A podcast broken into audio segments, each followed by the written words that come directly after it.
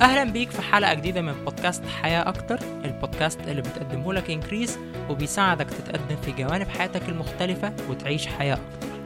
أنا ماركو منير مقدم البودكاست وبيسعدني جدا أكون موجود معاك في حلقة جديدة.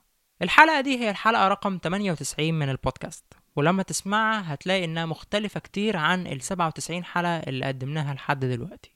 هي حلقة خارج السياق لكنها في منتهى الأهمية.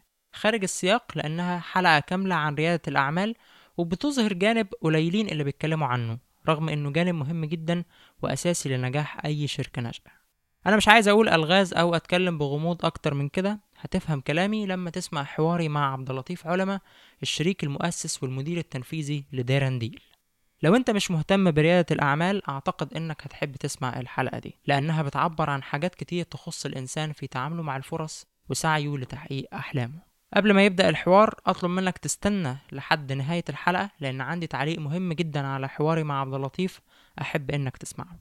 ودلوقتي خلينا نبدأ حوارنا مع عبد اللطيف علماء. عبد اللطيف إزيك؟ بخير الحمد لله. منور البودكاست. ربنا يخليك. في البداية حبيت أسألك على اسم علماء ده أنت اسمك عبد اللطيف هاني عبد اللطيف علماء. مظبوط. آه علماء ده أصله إيه؟ يعني جاي منين؟ أه والله أنا سألت فيها أنا كمان. قالوا لي إن هي آه، علماء وحذفت الهمزة للتخفيف. ده الأصل بتاعها. والدك رئيس مجلس إدارة في شركة إيجيبت كوتون الشركة بتاعتك مظبوط.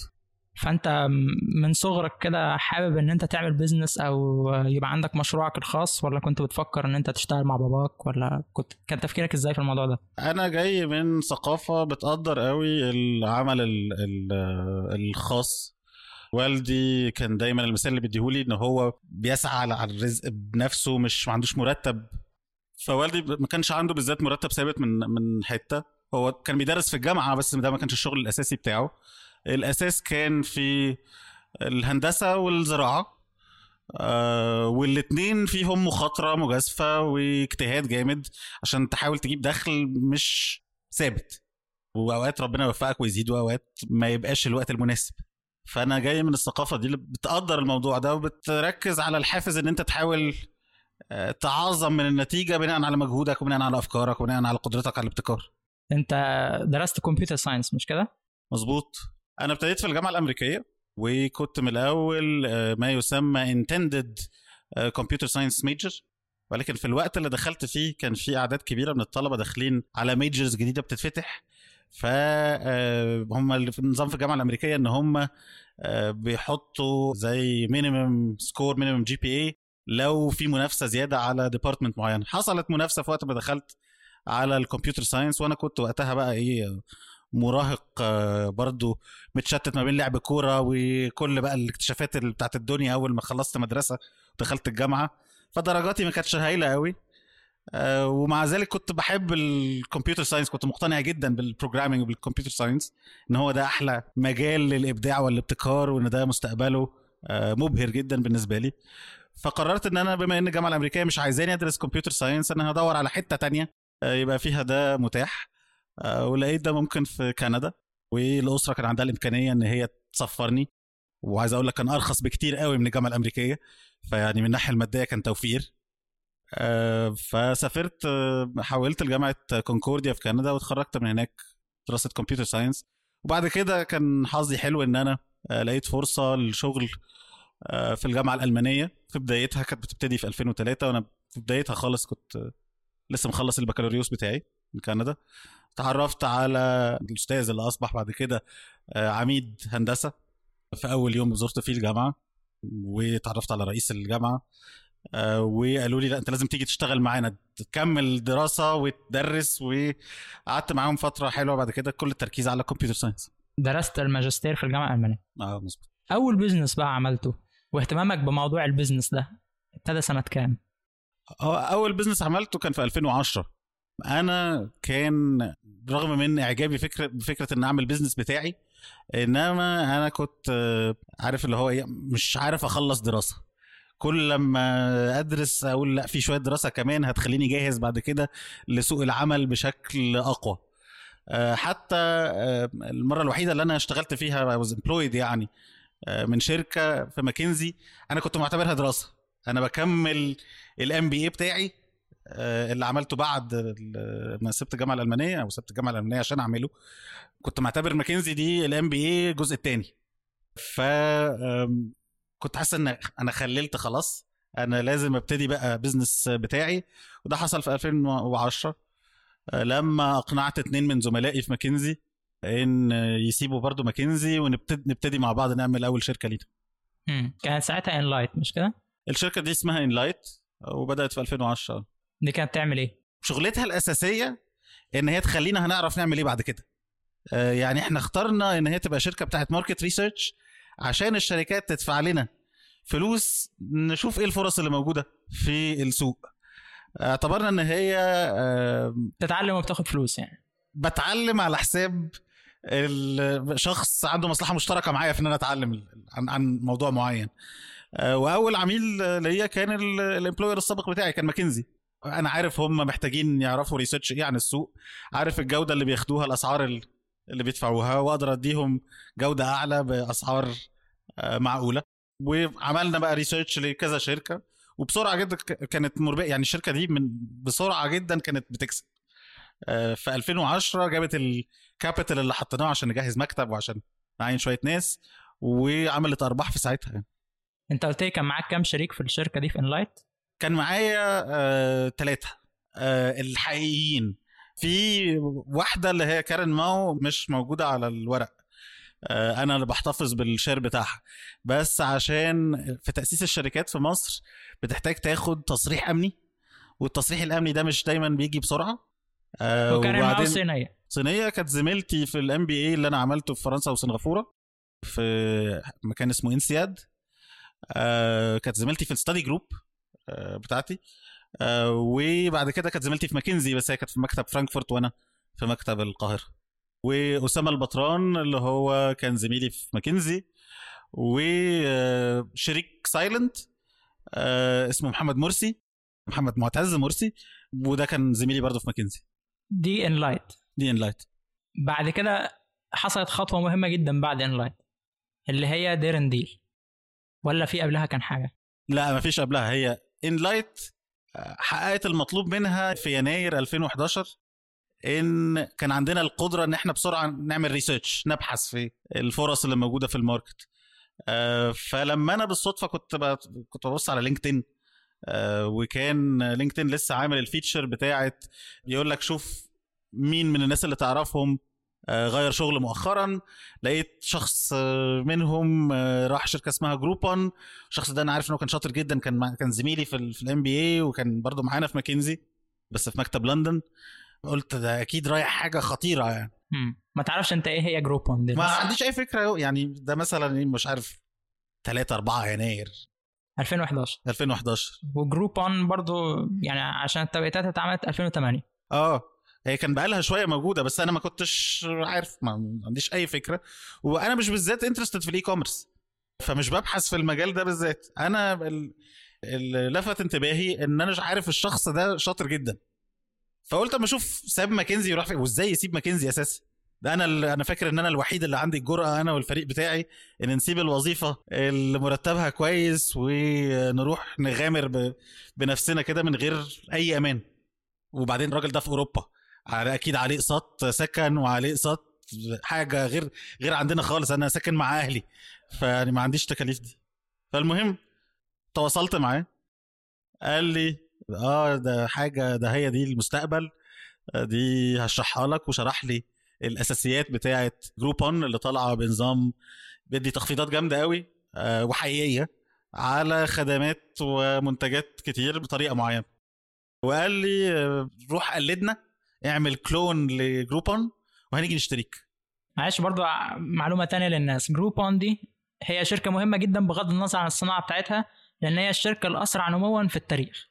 يعني كبرت أسرع من جوجل ومن فيسبوك ومن من إنستجرام من أي شركة تانية. التركيز الكبير قوي عليها كان إن هي ال- الأسرع نموا في التاريخ لحد نقطة معينة. آه، بعد كده حققت نجاحات متعددة وواجهت شوية آه، صعوبات في إن هي تكبر لمستوى أمازون. هي مش أمازون خالص هي أصغر كتير في الحجم النهارده. ولكن هي نجحت إن هي تنزل البورصة نجحت إن هي تعلي من قيمتها جامد جدا وحققت شهرة كبيرة قوي في أماكن كتير في العالم. تمام. فهو اللي اقترح عليك أو يعني زي ما بيقولوا حط في دماغك فكرة إن أنت ممكن تعمل clone أو تقليد لفكرة جروبون دي تحطها في السوق المصري. قال clone يعني نسخة يعني قال لي نسخنا بالظبط وقلدنا 100% وأنا هغششك كمان إحنا بنشتغل إزاي وهنيجي نشتريك. آه، دي هتبقى عملية كويسة مربحة جدا ليك والفريق. أوصف لي كده الفريق اللي معاك وصفت له ال partners اللي معايا. أنا بكلم ال partners اللي هم الناس اللي معايا في شركة ان لايت في ان لايت آه قال لي ده هو ده بالظبط ال profile اللي إحنا بندور عليه هو السن ده بالشكل ده بال energy level ده مستوى الطاقة ده وقلدنا. أنا الحقيقة خدت الكلام ده ب أنا واثق في ال team اللي معايا وعارف إن أنا هجتهد أنا كمان إنما أحب أعرف مين سابقني. يعني أنا مش فابتديت تعمل market research على research لنفسي استغليت القدرات اللي موجودة في الشركة. نعمل research نشوف مين اللي موجود في السوق. لقيت إن في شركة اسمها أوفرنا عاملة موقع شكله كويس. آه، عملت pilot إنها مش شغالة fully دلوقتي مش شغالة بشكل كامل. واضح إن هي لسه بتحضر. آه، ولقيت شركة آه، اسمها كوبون متمولة من جبار جروب معروف إن دول ممول جامد جدا. وليهم نجاحات. قبل كده كان ليهم نجاح في ال exit الوحيده البيعة الكبيرة الوحيدة اللي كنا سمعنا عنها اللي هي كانت بتاعت مكتوب لياهو.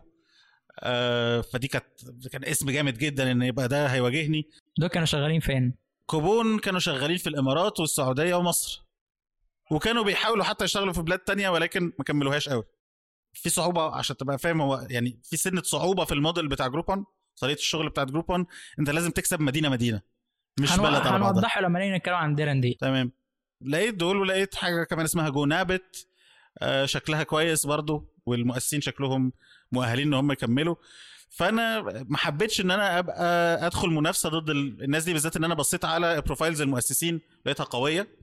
ف آه، اللي حصل إن أنا تواصلت تاني مع صديقي اللي موجود في إنجلترا وقلت له لا أنا مش عايز أقلد Groupon مش عايز أعمل نسخة أنا عايز Groupon أجيبها الشرق الأوسط. آه، وعايز أنا والفريق نديرها. سؤال ليه؟ ليه؟ لأن أنا بصيت بالعقل.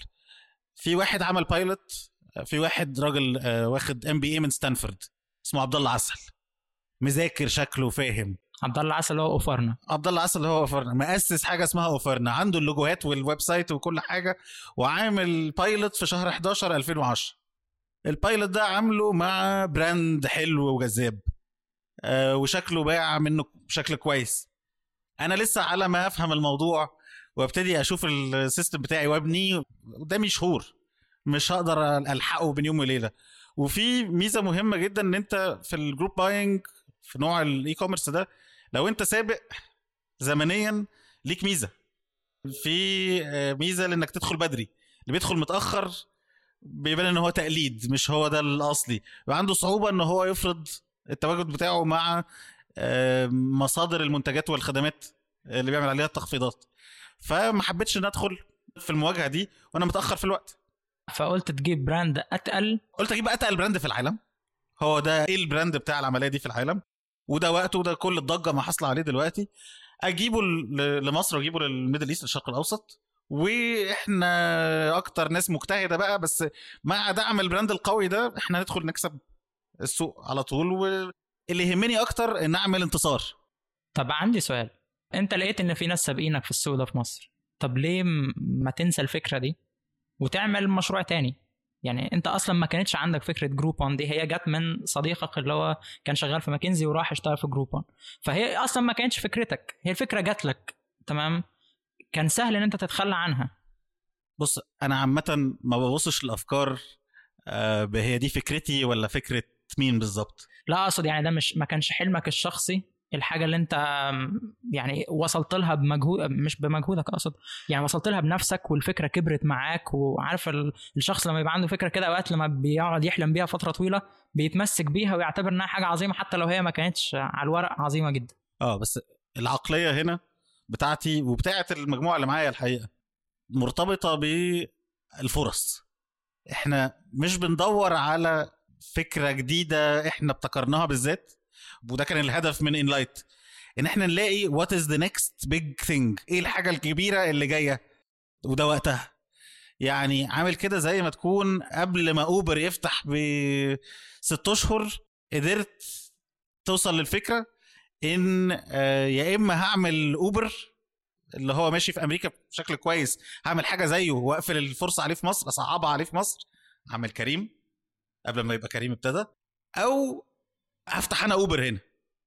أنا جيت في لحظة مشابهة وشايف إن الفرصة الكبيرة اللي جاية هي فرصة في التجارة الإلكترونية. وال twist الجديد التركيبة الجديدة اللي هتزود الإقبال عليها بالذات في البلاد اللي لسه محتاجة تعوض إن هي متأخرة شوية في تعلم استخدام الإنترنت والتكنولوجيا في حياتها اليومية زي الشرق الأوسط هيجوا هيركبوا الموجة دي. في اللحظة دي انت مش بتفكر بالارتباط مش ما بينك وما بين الفكرة قد ما بينك وما بين الفرصة.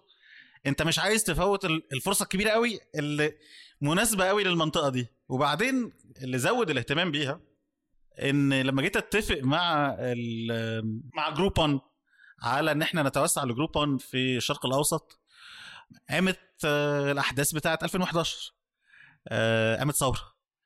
دي أنسب حاجة لإنك تفتح Groupon طب خلينا عشان بس الناس ما ما تتوهش مننا في الحتة دي. انت كلمت صاحبك وقلت له أنا عايز Groupon تيجي تبقى في مصر وانت تبقى المسؤول عنها في ال Middle East أو في مصر على الأقل. اتكلمنا على مصر واتكلمنا على الشرق الأوسط بالظبط. كان رد فعلهم إيه؟ كان رد فعله قال لي عبد اللطيف أنا عارف إنك آه، مجتهد. هوصلك بأصحاب اللعبة. أنا الحقيقة ما كنتش أعرف مين أصحاب الموضوع ده ولكن اتضح إن هو بيتكلم على ناس اسمهم ساموير براذرز زامفيا كده هم ألمان.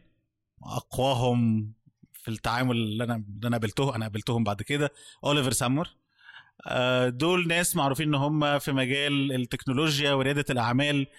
آه، حادين جدا بيتوسعوا بشكل عنيف ما بيهمهمش أي حاجة. وهم كانوا لسه بايعين حصتهم. آه، وبايعين شركتهم كلها ل Groupon وتولوا إدارة Groupon International. فقال لي هوصلك بيهم. وكتب إيميل. إحنا نحدد ميعاد نتكلم مع بعض. حددنا ميعاد نتكلم مع بعض يوم 25 يناير الساعة 3 بعد الظهر. لو كان الساعة 10 الصبح مثلا كان ممكن يبقى أحسن. لا خد بالك 25 يناير ما كانش فيه ما كناش فاهمين لسه إيه اللي بيحصل. يعني هو 28 يناير هو جمعة الغضب ده اللي حصل فيه الأكشن كله. آه، ف 25 يناير هو الراجل الألماني معايا على التليفون. أنا اكتشفت قبلها وأنا بعمل طبعا ال due diligence بحاول أعرف هكلم مين. آه، اكتشفت إن الجماعة دول استثمروا في فيسبوك في وقت مبكر استثمروا في حاجات أسامي كبيرة قوي عالميا أكبر الأسامي يعني هم كانوا مشاركين فيها الحاجات اللي نجحت. آه، وإن أنا هبقى على التليفون مع الوحوش دول. فالساعة 3 جاي ميعاد المكالمة وبعدين أنا عارف دول ألمان ما بيتأخروش. ما جاتش المكالمة وفات 10 دقايق نص ساعة قلت خلاص انتهى الموضوع ما هماش انترستد اتضح إن هم متلخبطين في التوقيت. كلمونا الساعة 4 فاكرين إن هي 3 إيه الأخبار؟ قولوا لي ال profiles بتاعتكم. ما خدش 15 دقيقة. قال شكرا أنا خدت المعلومات اللي أنا عايزها. أه هديك وابعت لكم offer وبعت لنا عرض بعدها بيوم تاني يوم تهيألي لو أنا فاكر لسه صح؟ يعني 26 يناير. أه بعت لنا 26 بيتهيألي بعت لنا 27 لأن إحنا خرجنا بالليل نحتفل. كان ال offer إيه؟ كان ال offer أه ناخد كل واحد title co-founder Groupon فبقيت آه، مؤسس في Groupon وهم غاويين إن هم يعملوا تحفيز معنوي بهذا الشكل. فممكن يعينك co-founder وبعدها بشهرين ما تبقاش في الشركة خالص. دي السمعة اللي موجودة يعني عن الجماعة الالمان والشركة مثلا يبقى لها 20 co-founder مثلا. وقتها هو كان محتاج بسرعة يقول أنت co-founder أسس وأنا بحمسك وحتى لو هيعمل 20 co-founder و compensation خد آه، أجر ليك 300 ألف يورو لكل واحد فيكم 300 ألف يورو آه، في السنة. آه، دول متقسمين ل 100 ألف يورو أساسي و200 ألف يورو على حسب النتائج. لكن ما فيش shares مثلا ما فيش. ما فيش shares بيقول إنك مؤسس بس أنت ما عندكش اسهم ما عندكش. تمام ملكية في الشركة. ما عندكش اي ملكية لا. تمام. العرض ده بقى انتهى لإيه؟ العرض ده انتهى لأن سألنا الراجل هو إيه اللي بيحصل. معلش قبل العرض أنت قلت لي إن أنتوا يوم 27 نزلتوا تحتفلوا. معلش أوصف لي الاحتفال ده كان عامل إزاي. وأنت تفكيرك أنت برضه يعني هتبقى عامل إزاي؟ وأنا هبقى co-founder ل Groupon و... وفي مصر هنسيطر على السوق ده. كان تفكيرك بيبقى عامل إزاي في الوقت ده؟ والله إحنا تحمسنا جدا اعتبرنا إن هم آه، تقييمهم لينا بشكل جيد وإن هم اختاروا إن هم يشتغلوا معانا Groupon اوليفر سامور بالذات. اعتبرنا ده يعني آم، حاجة كبيرة. ده بيوري إن إحنا عندنا القدرة إن إحنا فعلا نعمل نعمل حاجة إن إحنا التركيبة بتاعتنا آه، غالبا صح بتاعت الفريق ده. ما كناش لسه متخيلين هنعمل إيه بالظبط لأن إحنا كنا لسه في بدايات فهمنا اللي هو النوع ده من التجارة الإلكترونية بيشتغل إزاي؟ أو التجارة الإلكترونية كلها على بعضها بتشتغل إزاي؟ مفيش أي حد فينا عنده أي خبرة إلا كمستخدم يعني. يعني بستخ... استخدمت أمازون قبل كده. أم، فما كانش في تصور واضح لإيه اللي هيحصل بعد كده ولكن العرض كبير مقنع جدا. هنوافق عليه ولا لأ يا جماعة؟ خدنا القرار في ساعتها. يعني أنتوا. سألتوا نفسكم السؤال ده أصلا؟ هتوافقوا عليه ولا لأ؟ سألنا وكلمنا أهالينا وكل حاجة. آه إنما يعني كانت كل مكالمة دقيقة ونص آه وأغلبها يعني ضحك. هو المرتب كام يا ابني؟ 300000 يورو. اتفضل. فيعني ما خدتش ما كانتش صعبة في الإقناع يعني. وافقنا ما بيننا وبين بعض إن إحنا هنقول لهم موافقين على العرض. وبعتنا إيميل بنأكد إن إحنا موافقين في ساعتها أحسن هم يرجعوا في كلامهم ولا حاجة. يوم 27 برضه. يوم 27 مش هستنى لتاني يوم لأ. واجتمعنا إحنا كنا من المكتب بتاعنا في المعادي. نزلنا نتعشى في مطعم آسيوي في المعادي ويعني كنا في حالة سعادة عامة ولكن طبعا كان الكلام وقتها هو يا ترى إيه اللي هيحصل بكرة؟ إحنا إحنا سمعنا عن إن هيحصل كذا وكذا. محدش عارف بالظبط ده معناه إيه. طبعا مصر شكلها اتغير في الوقت ده فيعني ما كانش حد يتخيل. محدش قادر يتوقع الموقع. محدش طبعا كان يتوقع اللي حصل ده بس بالشكل ده ولا ولا أي حد في العالم يعني. فكنا مترقبين بس اللي هيحصل وقلنا للألمان ابعتوا لنا التذاكر آه، عشان هم قالوا لنا كان جزء من العرض برضو اللي هو خدوا بالكم أنتوا يوم ال- الاثنين إحنا ده كان يوم الخميس 27 ده الخميس. يوم الاثنين عندنا التجمع جايبين جميع مديرين العموم ال general managers بتوع Groupon من العالم كله بقى من أستراليا ومن آسيا ومن كل حتة في الدنيا مجمعينهم في لندن. عشان هنعمل الاجتماع الأكبر لينا عشان نكتسح العالم بال Groupon لصالح Groupon في الفترة اللي جاية فلازم تيجوا تحضروا التدريب ده وده حاجة هتحصل لأول مرة. آه، فقلنا لهم ابعتوا لنا التذاكر. ولكن جت جمعة الغضب ما كانش في إنترنت. التذاكر ما ما جاتش. جت على الإيميل بس الإيميل ما بنقدرش نفتحه. واضطرينا آه، يعني حتى ندي access للإيميل لأصدقاء في السعودية. هم يبعتوا لنا التذاكر بالفاكس. الفاكس الخط التليفون كان شغال الأرضي. فجات لنا التذاكر صورة من التذاكر بالفاكس.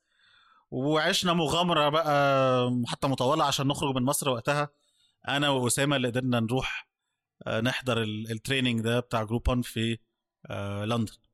يعني حتى بعد يوم 28 يناير هم كانوا مستمرين لسه في العرض بتاعهم.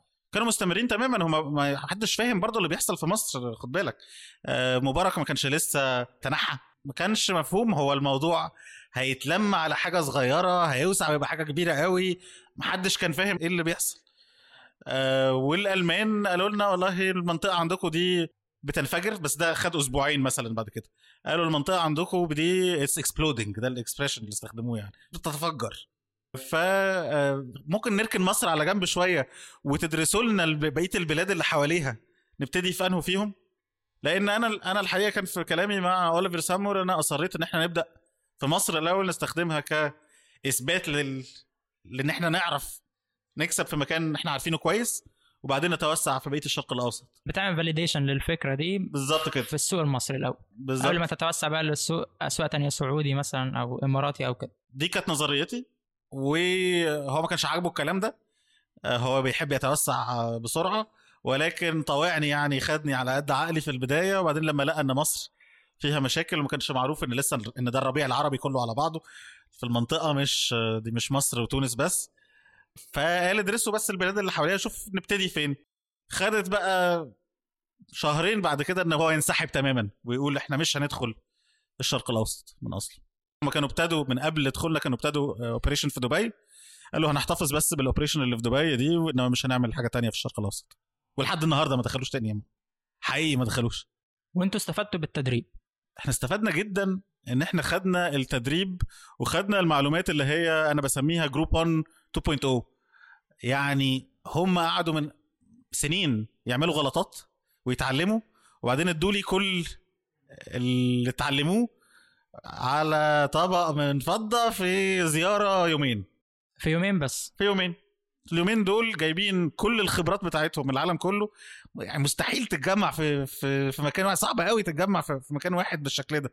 فاداني فرصة ممتازة إن أنا أتكلم معاهم أعرف إيه الأخطاء اللي هنا وإيه اللي بينجح هناك وإيه حجم المبيعات وإزاي بيجيبوا ال deals واخد ده كمان documented موجود في presentations بتفاصيل أنت إزاي توصل لمتخذ القرار في مطعم في chain مطاعم. أنا الحقيقة خارج من ماكنزي آه بفهم في أعمل إزاي financial model وأعمل presentation وادحر في اللي أنا مش فاهمه واجيب بحاول أجيب نتيجة. إنما ما أعرفش بالذات أوصل إزاي لصاحب المطعم. هو قايل لي الخطوات واحد اتنين تلاتة. وتكلم فلان وتقول له إن أنا عايز أجيب ألف شخص أعمل بيهم event في المكان ولكن في الآخر هتوضح له بعد لما توصل لل owner إن هم الألف شخص دول مش في حفلة. دول هيجوا من عرض والعرض ده هنعمله على موقع والموقع ده بيسوق نفسه بالشكل الفلاني وتمضيه على عقد في الآخر. فهو بيعلمني الحاجات دي في وقت قصير جدا وبيديها لي بال بالأخطاء اللي كان عملها وتفاداها بعد كده كانت مفيدة جدا. حسيت بإحباط بعد ما قرروا إن هم ينسحبوا من المنطقة؟ ناقشنا. أنا ميزة إن أنت تشتغل في فريق وإن الفريق ده تبقى عارفه إن بتحس إنك مش لوحدك في اتخاذ القرار بتعمل validation تتأكد إن هو ده كلام ليه معنى مش إن أنت كنت زعلان قوي فتهورت ولا كنت excited قوي فبالغت في الفرحة بتاعتك والحماس. التيم بتاعي ناس عاقلة الحقيقة. ف قالوا والله الفرصة ضاعت اللي كانت مؤكدة في إن هي تعمل دخل كويس وتدي اسم كويس. إنما في فرصة أكبر ظهرت إن إحنا نبقى أصحاب الأسهم الملكية في نفس المشروع. فالمشروع ده معتمد على إيه؟ ما معتمد على علينا إحنا على البني آدمين دول. هو ليه حاجة تانية يعني مبني عليها؟ مش قوي شوية فلوس كنا ندور عليها نشوف مستثمرين موقع نبنيه. حتى أحسن ديفلوبرز يعملوا الموقع وبعدين إحنا مش بنعمل موقع آه اختراع. إحنا بنقلد حاجة مثبتة ومعروفة تشتغل إزاي. محتاج أغير ألوان وأختار اسم جديد غالبا. أنا مش محتاج أكتر من كده. فشوف يعني إحباط بسيط جدا انما أكتر كان حماس ليه آه إحنا بقينا نملك الفرصة. واللي كمان بسطها أكتر إن إحنا اتكلمنا مع الألمان بشكل شفاف مباشر. قلنا لهم بما إنكم مش داخلين المنطقة دي عندكم مانع إن إحنا نعمل الشغل بتاع جروبون هنا؟ نعمله باسمنا لينا لمصلحتنا إحنا. قالوا والله المنطقة بتاعتكم دي اتفجرت اعملوا اللي أنتوا عايزينه. فما بقاش عندي أي إحساس بذنب إن أنا خدت معلومة واستغلها ضده هو مش فارق معاه المنطقة دي خلاص وقلب الصفحة. فأنا أقدر أتكلم بمنتهى الصراحة مع مستثمرين أقول لهم أيوه أنا واخد المعلومات من Groupon وهم راضيين إن أنا أعمل الكلام ده وطلب مني documentation للكلام ده من المستثمرين. وقالوا لي طب عندك مانع تورينا الإيميل؟ اتفضلوا الإيميل. سهلت الدنيا برضو قوي وبرضو ما تنساش وقتها كان في حماس بشكل عام عند المصريين. ثورة وعايزين شكل جديد لمصر ومش عارفين إيه حدودنا في طموحاتنا نقدر نوصل لإيه. فالكلام على ريادة الأعمال وعلى إن أنت تعمل شركتك وتاخد تمويل ليها كان بيلاقي قبول جامد لما تيجي تتكلم في الأوساط بتاعت بتاعت التكنولوجيا بالذات. تمام. فأنتوا رجعتوا للفكرة الأولانية خالص اللي كان صاحبك بتاع ماكنزي اللي شغال في جروبون بيعرضها عليك إن أنت تعمل نسخ لجروبون في مصر أو في المنطقة. مظبوط. آه طيب. أنت قلت لي إن واحد من الحاجات اللي شجعتك إن أنت تعمل Groupon بعد أو تعمل Dare N Deal بقى ونفس الفكرة بتاعت Groupon بعد ما انسحبوا هي إن السوق كان مهيأ لكده أو أنت قلت لي الحالة في مصر كانت تشجع على كده. أنا بصيت يعني كان كان وقتها كل أصحابي بتقابل بالليل. مثلا وقت لما كان في حظر تجوال وكان في الظروف بقى أنتوا عارفينها بتاعت 2011 يقول لك دلوقتي إحنا البلد هتنتعش والاقتصاد هيبقى هايل. إيه رأيك يا عبد اللطيف؟ بما إن أنت كنت بتشتغل في ماكنزي وأنتوا شغلتكم إن أنتوا تقيموا الحاجات دي. كان ردي بقول لهم للأسف إحنا قدامنا خمس سنين من التقلبات الشديدة. ده اللي بيحصل عادة بعد الثورات. ودي حاجة معناها إن غالبا دخلنا كلنا هيتأثر. وهنبقى عايزين نعيش نفس الحياة بتاعتنا أو حتى نحسنها شوية خروجات وفسح وبتاع بس معناش الفلوس اللي تصرف على الكلام ده. فده لما جيت افتكرت حتى أنا بح أنا بفكر وبحلل الدنيا آه، بالنسبة للاقتصاد المصري في الوقت ده إزاي؟ وبشوف هي جروبون بتقدم إيه؟ وأنا لما هعمل لها نسخ هقدم إيه؟ هو أنا بقدم نفس المنتجات ولكن بسعر أرخص وبسمح لمقدمي الخدمة وأصحاب المحلات اللي عايزة تبيع المنتجات دي إن هم يسوقوا حاجتهم من غير ما يبقى عندهم ميزانية تسويقية كبيرة. هم يسوقوا من خلال التخفيض. يخلي ده يعوض آه، عن ده. آه، فلقيت إن دي تزود من فرصة نجاح البيزنس موديل ده. وده حمسني زيادة إن آه، حتى لو جروبا مش داخلة ده ميزة بقى. ده أنا هشتغل على مزاجي دلوقتي أنا فاهم ال- السوق المصري وعارف الناس عايزة تخفيضات فين واجيب لهم التخفيضات بتاعتهم وهم هيبقوا عايزين الموضوع ده دلوقتي. والحقيقة طلع إن الرؤية دي كانت كانت سليمة.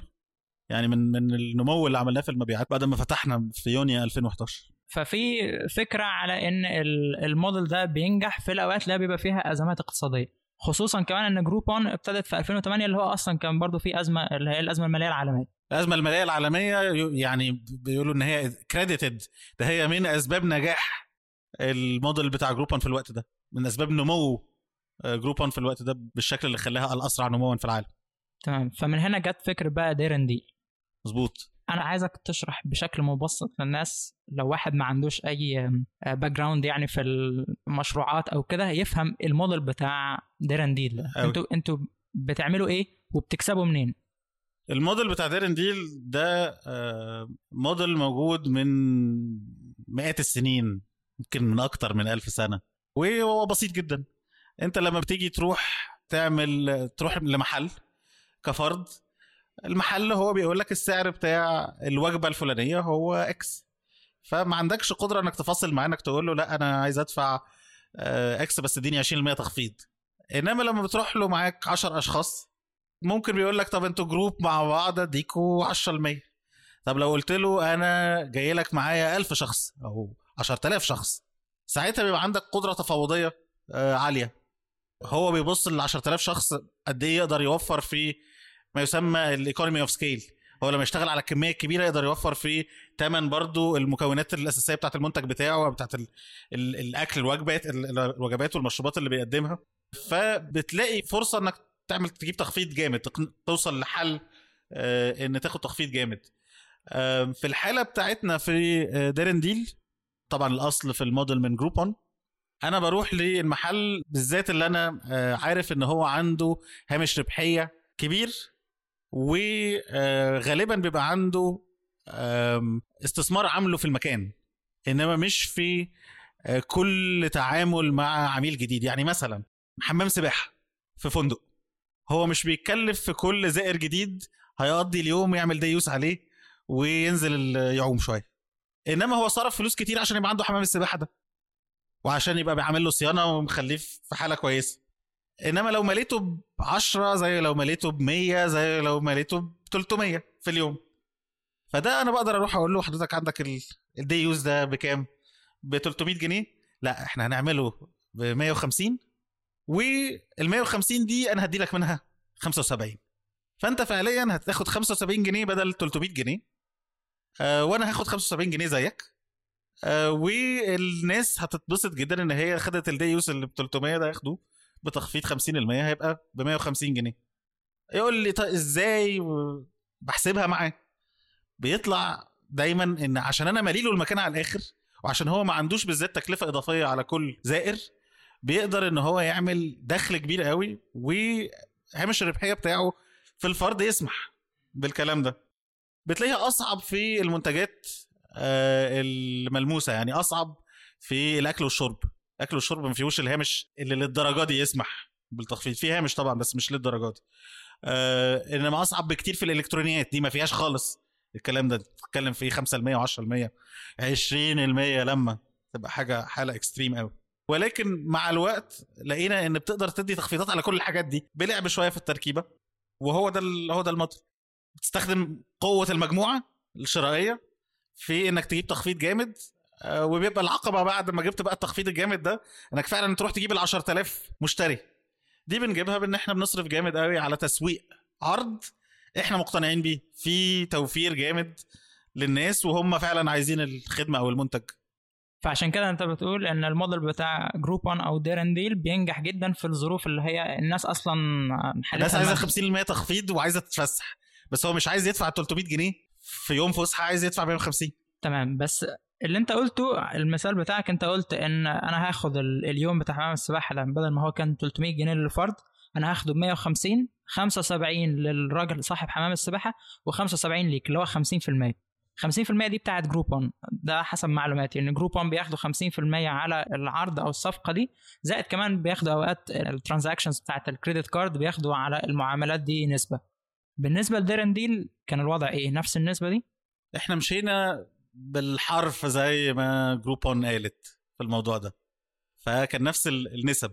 إنما لا إحنا ولا جروبون لا Dare N Deal ولا جروبون كانت بتحقق ال 50% كمتوسط. ال 50% دي الحالة المثالية آه، اللي عرفنا نلاقي فيها إن الصفقة تتعمل بالشكل ده.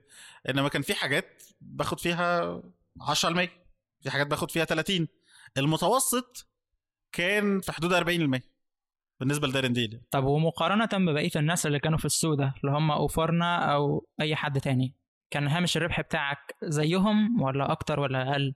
ما تقدرش تحدد بالظبط لأن ورقهم مش كله مكشوف ليا.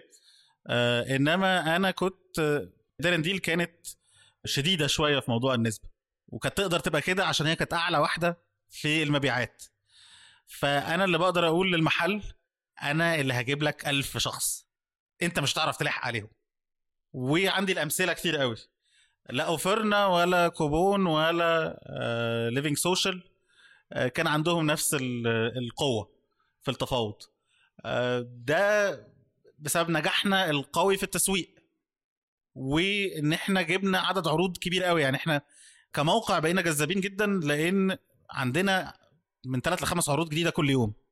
أوفرنا بالرغم إن هي الموقع شكله حلو وعاملين الموديل صح أنا مش شايف غلطات عندهم بصراحة. إنما آه، الموقع على مشد في عدد الأوفرات اللي بتنزل العروض اللي بتنزل كل يوم خد له شهرين ثلاثة كنا إحنا بقينا الناس بتحب تزورنا لأن إحنا مسليين وهم أقل في التسلية. وإحنا كمان كان ما عندناش خوف في التسويق. آه، ما عندناش خوف على البراند. أنا أنا والفريق بتاعي الحقيقة كنا عندنا جرأة جامدة إن قلنا هنسوق في المواقع الرسمية كلها والمواقع اللي مش عارفة تبيع إعلانات. يعني في المواقع اللي في مشاكل إن هي آه، بتعرض أفلام هندي من غير ما يكون عندها ال license بتاعتها. ولكن عنده traffic كتير جدا عنده زوار كتير جدا. أنا الحقيقة كنت بقول أنا مستعد أشتري منك كل المساحات الإعلانية اللي عندك بس لون لي الموقع بتاعك برتقاني. ليه؟ عشان عايز أوحد التجربة. عايز الموقع اللي في الحالة دي هو موقع قرصنة على الأفلام الهندي عشان يحس إن هو مازال في نفس الجو ومش حاسس إن هو راح حتة غريبة عليه أنا عايز إن الموقع أنا مش هغير لون موقعي أنا يبقى زي موقع القرصنه فكنت بخلي مواقع القرصنه تغير لونها تبقى زي فالناس تحس إن هي ما راحتش حتة غريبة عليها. كم المشتريات اللي جت من دول كانت كبيرة. في حاجات كمان اتعملت ما كانتش اتعملت قبل كده. آه، في مصر وكان عندنا جرأة فيها إن إحنا عملنا فتكات Deals مع منتدى فتكات. مع منتدى فتكات. فإدينا لفتكات نسخة من غير brand Dare n Deal تنزل ال offers كما لو كانت عروض من فتكات وبينفذها Dare n Deal بقى في الآخر. إنما هي عروض موجودة باللون البنفسجي الفاتح بتاع آه، فتكات والفتوكات ال admins بتوع آه، موقع فتكات. آه، dot com. هم اللي بيشرحوها وهم اللي بيقولوا. دي بتشتغل إزاي؟ بيعلي جدا برضو من استيعاب الناس للموضوع ده. وعملنا نفس الحاجة مع مصراوي ديلز ام اس ان ديلز على ام اس ان اريبيا ونفع في كده إن إحنا كان معانا مستثمر عنده مواقع محببة جدا قدرنا نستغلها. ما تنقلناش طيب ما تخليناش ننط مسافات كبيرة. طيب يعني أنا عايز أعرف دلوقتي إيه اللي يميزك عن المنافسين اللي حواليك؟ هي ان أنت عندك عروض أكتر وعندك قدرة تسويقية أكبر بكتير. أنت كنت أجرأ في موضوع التسويق. آه. مين سبق مين؟ العروض الأكتر ولا القدرة التسويقية؟ ابتدوا مع بعض. لأن إحنا قبل ما نفتح الشركة قبل ما نفتح الموقع آه الشركة كانت اسست الموقع نفسه ابتدى 1 يونيو كان عندنا 150 عقد ممضيين. فأنا جاهز إن أنا من أول يوم أنزل من أول يوم أقدر أنزل بأي عدد من العروض أنا عايزها. عندي عروض مسلية كتير. حضرت جامد قوي بحيث إن أنا بقى حتى عندي في ناس نسيتني من كتر ما أنا مضيت معاهم ولسه ما كنتش جاهز أعمل اللونش بتاع الموقع. ومن الأول برضو آه، قلنا البادجت إحنا مش هنقتصد فيها. هندخل ببادجت خلت أكبر شركات التسويق الإلكتروني في مصر وفي المنطقة تيجي وتقعد تتكلم معانا بجدية. دي بادجت قد أكبر الشركات في السوق. ميزانية للتسويق أنتوا حاطينها. ميزانية تسويق كبيرة كانت تقارن يعني ما فيش حد بيصرف أكتر من كده في الشهر. وأنا جاهز من أول شهر هصرف رقم كبير جدا. ليه؟ لأن أنا واثق من اللي أنا بعمله وبالنسبة لي زي ما تقول do or die يا تعملها وتنجح يا تخرب بقى وخلاص ومش مهم اللي هيحصل بعد كده. طب أنا هسألك عن الميزانية دي. أنتوا برضو أنا معلومة سمعتها إن أنتوا كنتوا حاطين أنتوا الأربعة 25 مليون جنيه؟ لا لا لا خالص. كلنا مع بعض 2 مليون جنيه. كلكم 2 مليون جنيه؟ آه. وهي دي الميزانية اللي أنتوا ابتديتوا بيها؟ آه ان أنا بقول هصرف نص مليون جنيه في الشهر digital بس. خد بالك مفيش حد كان بيصرف digital بس وقتها. واللي قال لنا الصرف في التجارة الإلكترونية digital بس ده كان Groupon.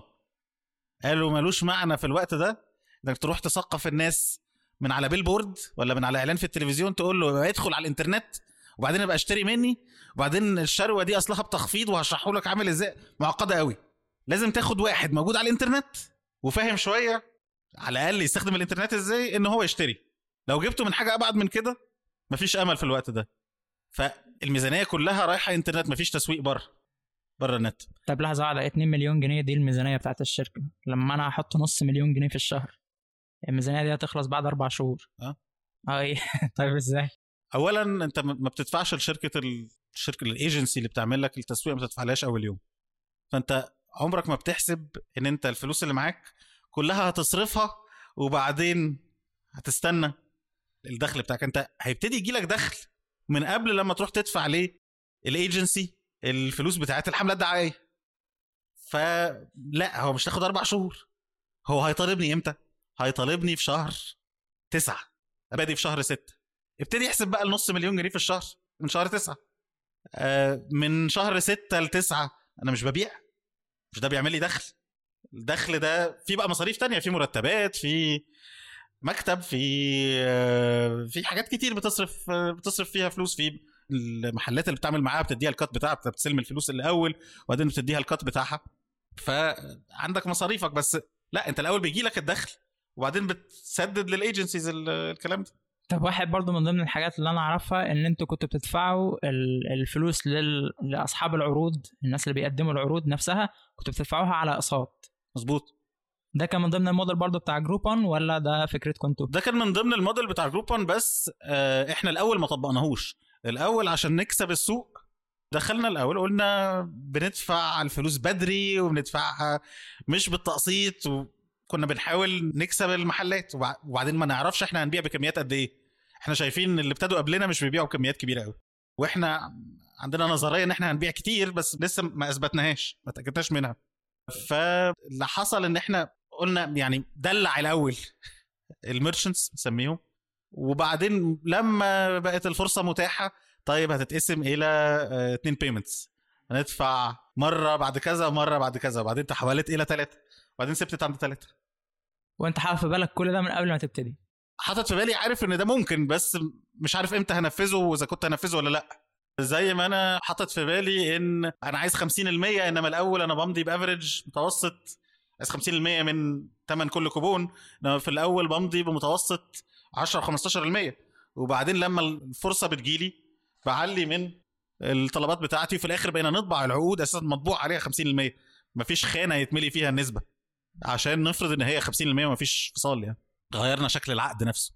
وأنت كنت ماشي زي ما بيقولوا بجرأة شديدة جدا بتراهن بكل فلوسك على حصان واحد إن أنت مش هتوصل ابدا لشهر بعد أربع شهور ولا خمس شهور إن أنت تبقى مديون بحاجة. إحنا كنا عارفين لو ما خدناش الانفستمنت على شهر 10 إحنا هنفلس. بالكتير قوي على شهر 12 نكون لمينا العزال ومشينا يعني. فهو لازم مستثمر يدخل معانا قبل التاريخ ده.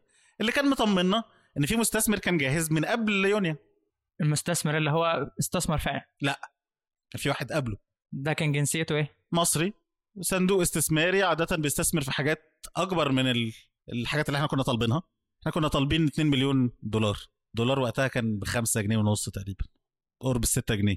فإحنا كنا طالبين استثمار 2 مليون دولار وده كان أقل من الحجم اللي بيستثمروا فيه. آه، ولكن عملوا استثناء. وقرروا إن هم يعملوا لنا تقييم قيموا الموضوع قالوا إن آه عايزين ندخل معاكم. وبعدين عملوا إعادة لكل الموضوع موضوع دراسة تاني وتأكدوا تاني إن هم عايزين يدخلوا معانا. وكانوا جاهزين قبل 1 يونيو قبل اللونش. فكان عندي عرض. فأنا صحيح أنا داخل بخاطر بس هو في حد قال لي إن هو مستعد يحط 2 مليون دولار. لا تعيشني بقى أطول بكتير من الست شهور ولا الاربع أربعة لست شهور اللي هم لآخر السنة اللي ما يكفينيش فيهم إلا ال 2 مليون جنيه. 2 مليون دولار دول مقابل قد إيه من الشركة؟ أنا الحقيقة مش مش فاكر بالظبط الرقم بس بيتهيألي كان ال- ال total كان 40% 40% من الشركة. آه. وده رقم كويس. 40% أنا كنت شايفه عرض ممتاز لأن كان قبل إثبات إن أنا أعرف أنفذ الكلام ده قبل حتى ما أعمل الإطلاق بتاع الموقع آه بيشوفوا design على الكمبيوتر إنما ما يضمنش إن أنا هعرف أشغل الكلام ده. آه طبعا شاف ال 150 عقد اللي كانوا جاهزين بقول لك من قبل ال- الإطلاق بتاع الموقع. فعارف إن في أسامي كويسة قوي قبلت تديني تخفيضات وهتشتغل معايا لو أنا الموقع بتاعي شغال بشكل معقول. إنما أنا كنت شايف إنه ممتاز جدا ال 40% على 2 مليون طب دولار. الصفقة ما تمتش ليه؟ كذا سبب ظروف وقتها. إن أول حاجة هو المستثمر حب يفصل في حتة في اللحظة الحاسمة. فغير جزء من الاتفاق. إحنا كنا اتفقنا عليه خلاص. التغيير في آخر لحظة ده خلى آه، شريكي ما يعجبوش الكلام خالص. قول ده بقى إيه في تلاعب بينا هنا. هو الطلب بتاعهم ما كانش غريب. هم طلبوا إن هم يعينوا المدير المالي من عندهم. وده شيء مقبول جدا في الحالات الاستثمار دي. إن الصندوق الاستثماري هو اللي يحط أو المستثمر ايا كان هو اللي يحط المدير المالي. وبعد كده إحنا عملنا كده مع المستثمر اللي اللي دخل معانا بالفعل. ولكن تغييرهم دي في آخر لحظة حسينا إن هو في ضغط علينا عشان ياخدوا حاجة ما كانتش من حقهم. فرجعنا تاني لترابيزة المفاوضات. آه وأنا بقيت مركز قوي في إدارة العمليات لأن عملنا اللونش من غيرهم وخدنا الريسك وبعدين ابتدينا نشوف نجاح. امم فبقت ال 2 مليون ما تنفعش. فبقى مش بقت ما تنفعش بس بقى اللي هو طب أنا مش مستعجل بقى. على فكرة أنا ماشي كويس وانت اللي كنت هتضمن انك تبقى تبقى شريكي وفي الآخر المفاوضات دي لما كانت هتنتهي بقى إعادة المفاوضات دي لما كانت خلاص هتنتهي دخل آه المستثمر الجديد وقال لنا لا غيروا اتجاهكم. أنا عندي حاجات أقدر أديها لكم أحسن بكتير من المستثمر الأولاني ده. النجاح بتاع ديرن دي أنا برضه قريت قبل كده إن هو خلال تقريبا شهرين أو ثلاث شهور كنتوا أنتوا 60% من المعاملات اللي بتتم كانت بتتم من خلالكم في موضوع الكوبونات التخفيض والحاجات دي. يعني أنتوا معاكم 60% من السوق. إحنا بسرعة جدا خدنا أغلبية السوق. 60% وفي أغلب الأسابيع أنا كنت بقيسها كل أسبوع. آه عشان أنا عندي sales meeting كل أسبوع بجيب الفريق. وعشان هي سهلة قوي الحسبة بتاعتها. أنت بتشوف على مواقع ال group buying دي بتشوف عدد الكوبونات اللي اتباعت وسعر الكوبون في كل عرض. فتقدر تضرب العدد ده في السعر تعرف هو باع بكام كل أسبوع. وده علني في الموديل بتاع Groupon أقدر أشوف ارقامي قصاد Offerna قصاد Cobone. مفيش أسبوع عدى يعني في السنتين اللي بعد كده الا لما كنا أكتر من 50 60% من السوق كله وفي اوقات بنوصل ل 80 85% إلا باستثناء مثلا ثلاث أسابيع على مدار السنتين ثلاث أربع أسابيع على مدار السنتين.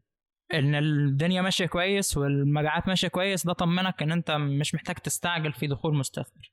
مش محتاج أقبل بالشروط مش عجباني أنا محتاج مستثمر لأن أنا هفلس في ديس- ديسمبر بالكتير حتى لو أنا ببيع كويس لأن أنا واخد الموديل من Groupon ال aggressive قوي الموديل بتاع انت لازم تسيطر على السوق النهارده تقفله تماما ليك وده اللي هيتيح لك الفرصة. إما إن Groupon يشتريك آه، لما يرجع تاني يبص لمصر والشرق الأوسط أو إن أنت يبقى عندك حجم كافي في السوق إن ترفع من هامش الربحية فيبقى المكسب ليه معنى.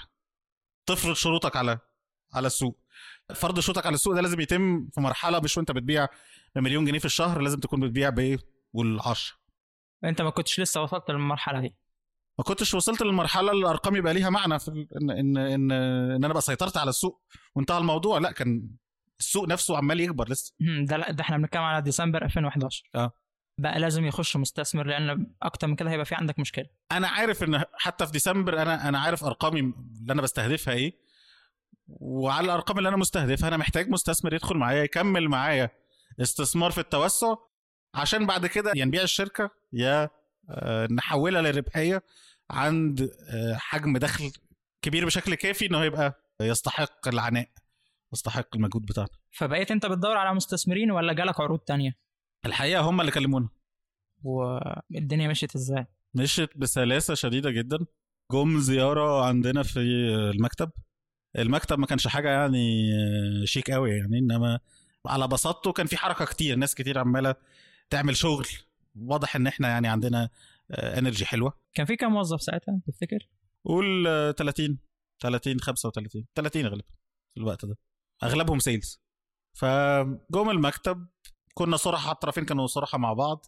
وأنا قلت لهم أنتوا من مصلحتكم تشترونا دي فرصة كويسة وإحنا محتاجين التمويل ده. هم قالوا أنتوا وأنتوا فعلا بتعملوا حاجة في ال... عندكم فورمولا عندكم حاجة جديدة بتعملوها ناجحة آه، مختلفة عن ال... عن بقية السوق. هم كان عندهم شركة داخليا حاولت تعمل نفس اللي إحنا بنعمله ولم تنجح آه، خالص. يعني إيه شركة؟ يعني شركة هم كانوا مستثمرين فيها قبل كده؟ شركة يملكوها. موقع يملكوه. آه، موقع عليه زوار كتير جدا ومحبوب جدا ولكن لما حاول يعمل العروض دي ما باعش حاجة خالص. لدرجة إن أكبر عرض باع عندنا هو كان واخده بالشوط أحسن مننا ولكن عندهم ما باعش وعندنا آه، باع. يعني مكسبه كان فيه أكتر منكم. هو كان منزله قبلنا بكذا يوم وكان مدي فترة سريان العرض أطول سنة. إنما العرض غير كده كان طبق الأصل. ولما نزل عندنا ده باع بالآلاف. وفجأة لقينا إن ما كناش نعرف إن ينفع تجيب من عرض في يوم 150 ألف جنيه والارقام ما كناش نتوقع حتى. عنده هو نزل الفترة كلها ما جابش حاجة. آه، فهم قالوا أنتوا بتا... في حاجة بتعملوها صح. آه إحنا عايزين ندخل معاكم. آه، هم ابتدوا يقولوا إيه المميزات بتاعت دخولهم معانا وإحنا نقول الشروط اللي عندنا اوريدي من المستثمر اللي كان جاهز. آه، وحاولنا نقرب ما بين ال- نقرب المسافات ما بين الطرفين. الميزة الكبرى عند المستثمر اللي دخل معانا بالفعل إن هو عنده مواقع مغرية جدا عليها عدد زوار كبير جدا موجودة بقالها سنين مش هيروحوا الزوار دول في حتة وهم مش بيجيبوا منهم فلوس مش بيجيبوا من الإعلانات اللي بيوروها للناس على المواقع دي فلوس مقنعة بشكل كافي. دخول ال e-commerce في المجموعة ليه معنى؟ هيطلع قيمة أكتر من الزيارات دي. لو عرفنا نظبط إن العروض على الموقع الرياضي تبقى فيها حاجات رياضية مناسبة. لو على الموقع الاجتماعي فيها حاجات مناسبة للأسرة. وده اللي إحنا فكرنا فيه. إحنا كنا نفكر في نجاح الشركة أكتر من الأسهم عددها كامل هيبقى معايا أنا. لو أنا معايا أسهم أقل إنما الشركة نجحت أكتر غالبا قيمة الأسهم الأقل دي هتبقى أعلى.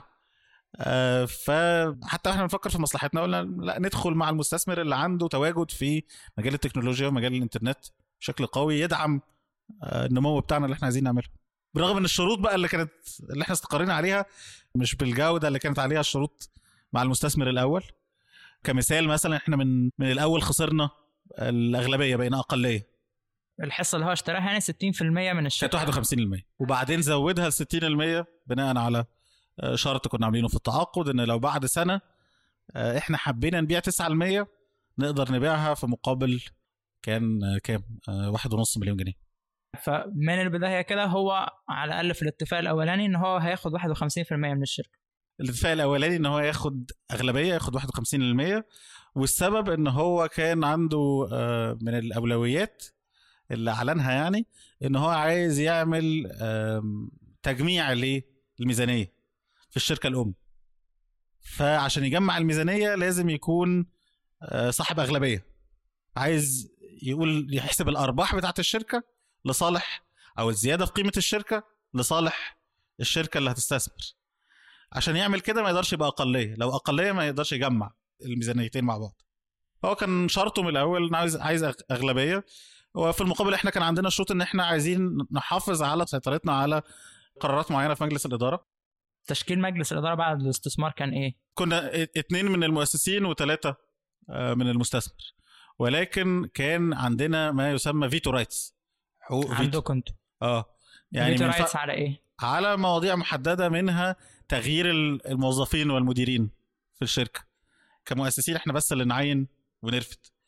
ما حدش يقدر يشيلني كعضو منتدب من ناحية المستثمر. ما ينفعش يتعمل زيادة رأس مال. إلا لو أنا وافقت عليها. آه وبعض الحاجات على بيع الأسهم.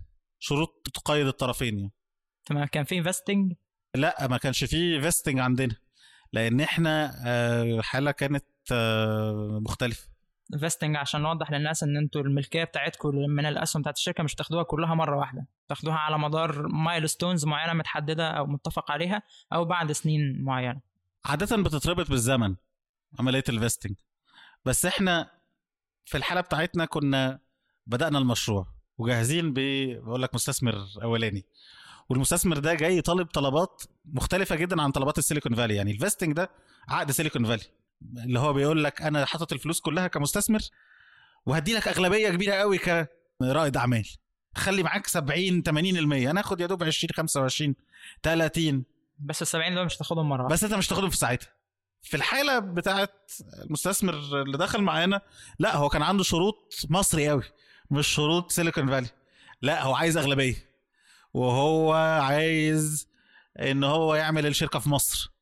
الفيستنج ده عشان تعمله في مصر معقد شوية. بيبقى الأسهل إن يتعمل في شركات ال offshore بيسموها البريتش فيرجن ايلاندز أو كيمن ايلاندز أو يعني قانون الاستثمار في مصر مش بيسهل قوي العملية. بيصعب. كان في أي شروط تانية في في العقد كانت مش معتادة أو مش تقليدية؟ أو كان عندك تخوف منها؟ الحقيقة أنا ما كنتش داخل بفكر تخوف قد ما كنت داخل بفكر أنا عايز أشتغل. فالمحامي بتاعي أنا كنت الحقيقة مش مبسوط قوي من فكرة إن هو آه، بنحاسبه بالساعة وبيطلب مبالغ آه، كبيرة جدا عشان يعمل لنا العقد بالإنجليزي. فاتفقنا معاه إن هو ياخد مبلغ على بعضه كده ويقفل لنا العقد ده. فهو اشتغل معانا مع المستثمر الأول وبعدين شوية مع المستثمر التاني وبعدين زهق مننا. قال الناس دي عمالة لسه تتفاوض كتير جدا. مش هيقدروا يدفعوا أتعاب. أو هيدفعوا هو خلاص المبلغ الأقصى ده وخلصنا على كده. أه وأنا الحقيقة برضو حسيت إن أنا ممكن أعمل جزء كبير من الشغل ده بنفسي فدخلت أذاكر الحاجات القانونية ولقيت إن ال- الشروط اللي إحنا بنتناقش عليها كلها حاجات مستقبلية جدا في ظروف استثنائية جدا. آه، مش ده الهم بتاعي النهارده. الهم بتاعي أكتر أنجح المشروع. أروح أجري بسرعة أشوف أبيع أكتر إزاي أجيب عروض أحسن إزاي. فكعضو منتدب والمشروع شغال إن أنا أسيب الشغل وأروح أركز في الموضوع ده بصراحة ما اتشغلتش كتير بالتخوفات قد ما اتشغلت بسرعة إنجاز هذا العقد عشان ندخل في الجد عشان نعمل نجاحات مع بعض. وكمان الطرف التاني كان مبشر جدا مدي ثقة ومتعاون إلى أقصى درجة آه، ف ما كانتش حالة قلق. أنت ما كنتش خايف وأنت نسبة الملكية الأكبر معاهم أنا كان إحساسي الخاطئ اللي اتضح إنه خاطئ لاحقا إن حتى لو اختلفنا في حاجة هنقدر نتفاهم بشكل ودي جدا ون... ونرسى على حل بسهولة. بشكل يعني غير رسمي حتى لو احتاجنا. انه يبقى كده. أنا أسمع إن القانون القانون في مصر مش بيحمي الأقلية. بس مش عارف التفاصيل بتاعت الكلام ده. وفي نفس الوقت كاتبين عقد محترم بالإنجليزي كاتبين فيه إن أنا عندي veto rights وعندي حماية من كذا وكذا وكذا وإن أنا حقوقي كذا وكذا. ف يعني بتفاهم مع ناس آه، قبلت بالشروط بتاعتي وأنا برضو جيت على نفسي وقبلت بالشروط بتاعتهم فحاسس بثقة. حاسس بأمان. هل طب أنت كان مضغوط عليك في الوقت في إن أنت الشركة لو أنت ما خدتش الفلوس بتاعت المستثمر دي ممكن تبقى تروح في سكة تانية؟ سكة تانية كنا هنقفل يعني كانت بسيطة. أيوه ما طبيعي إن أنا مش عايز أقفل. يعني أنا ما اشتغلتش كل ده عشان أقفل. طبعا ومش بس مش عايز تقفل. أنت أنت في اللحظة دي عملت كنا عملنا بقى يعني كم دوشة في الماركت إن لا أنت حاسس إن أنت عامل شغل كويس جدا. فإن من عامل شغل كويس جدا وكل الناس بتتكلم معاك في يا سلام إيه اللي أنت عملته ده ليه إن نقفل؟ آه، طبعا كانت صعبة. وآه كنا مضغوطين في الوقت. وبالتالي ما رحتش أجيب محامي تاني يقول لي مثلا المعلومة اللي اكتشفتها آه، بعد وقت إن العقد بالإنجليزي ملوش قيمة قوي في القانون المصري. آه، حتى لو ترجمته وجبت ترجمة معتمدة وكل حاجة برضه ملوش قيمة إلا لو كان موجود في النظام الأساسي بتاع الشركة. يعني حاجات بسيطة زي دي كان ممكن لو عندي وقت أكتر لو كنت ركزت أكتر كنت كنت عرفتها؟ بس وأنا يا هدير الشركة يا هعمل الجزء القانوني يا يعني مش هينفع أعمل كل الحاجات في نفس الوقت. اصل برضه موضوع المحامي ده أنا حاسس يعني هل هو كانت أتعابه كتير قوي كده؟ أنت شايف إن هو بياخد فلوسه دي الموضوع مش مستاهل؟ أتعابه كتير قوي بس خد بالك هو المحامي في حالتنا برغم إن إحنا اخترنا حد ذو سمعة ممتازة هو في الآخر كان داخل معانا بيكتب العقد بالإنجليزي. يعني هو كان عامل الغلطة اللي في الآخر حصل الخلاف عليها بعد سنين. وجود المحامي كان هيحسن في تفاصيل بعض البنود اللي أنا ضحيت فيها عشان ما أختصر في الوقت. إنما مش دي اللي فرقت. اللي كان هيفرق لو فعلا كان في وقت أو أو خبرة أكتر في في نزاعات آه، في السوق المصري. آه، يعني مثلا لو لو جبت أي حد من جيل والدي يعمل عقد عمره كنا هيكتب عقد بالانجليزي إيه العقد ده بالإنجليزي؟ يقول لي ده أنت بتخرف يا ابني ولا إيه؟ إيه عقد بالإنجليزي عامله في مصر؟ آه ف طب هسالك سؤال. دي قلة خبرة يعني. هسالك سؤال. لو أنا مكانك تمام؟ أنا السي أو بتاع ديرانديل أو واحد من المؤسسين وبحكي لك باخد رأيك بما إنك خبير في إدارة الشركات وهكذا وبقول لك أنا بعمل عقد بالشروط الفلانية دي اللي هو نفس العقد بتاعك ووضع الشركة بتاعتي هو نفس الوضع بتاع شركتك سنة 2011 في آخر السنة. هتقول لي امضي العقد ولا لأ؟ أنت لسه ما تعرفش إيه اللي هيحصل بعد كده. يعني لسه ما تعرفش ممكن مشاكل تحصل عقد بالإنجليزي؟ آه. دي تأسس بيه شركة في مصر؟ أيوه. هقول لك خد بالك ده زيه زي يعني قيمته أقل من قيمة الورق اللي مكتوب عليه. بس أنت ما كنتش تعرف المعلومة دي وقتها؟ لأ ما كنتش أعرف. ده إحنا عمالين نمضي ونختم ونمضي ونختم. أكيد ما أعرفش إن إن العقود دي وقت الخلاف وقت ال... لما يحصل الخلاف اللي انت دايما تتمنى إنه ما تحصلش يعني الحاجات دي آه، إن هو مش هيبقى ليه قيمة خالص. لو كان بالعربي كنت كنت هتقول لي كمل.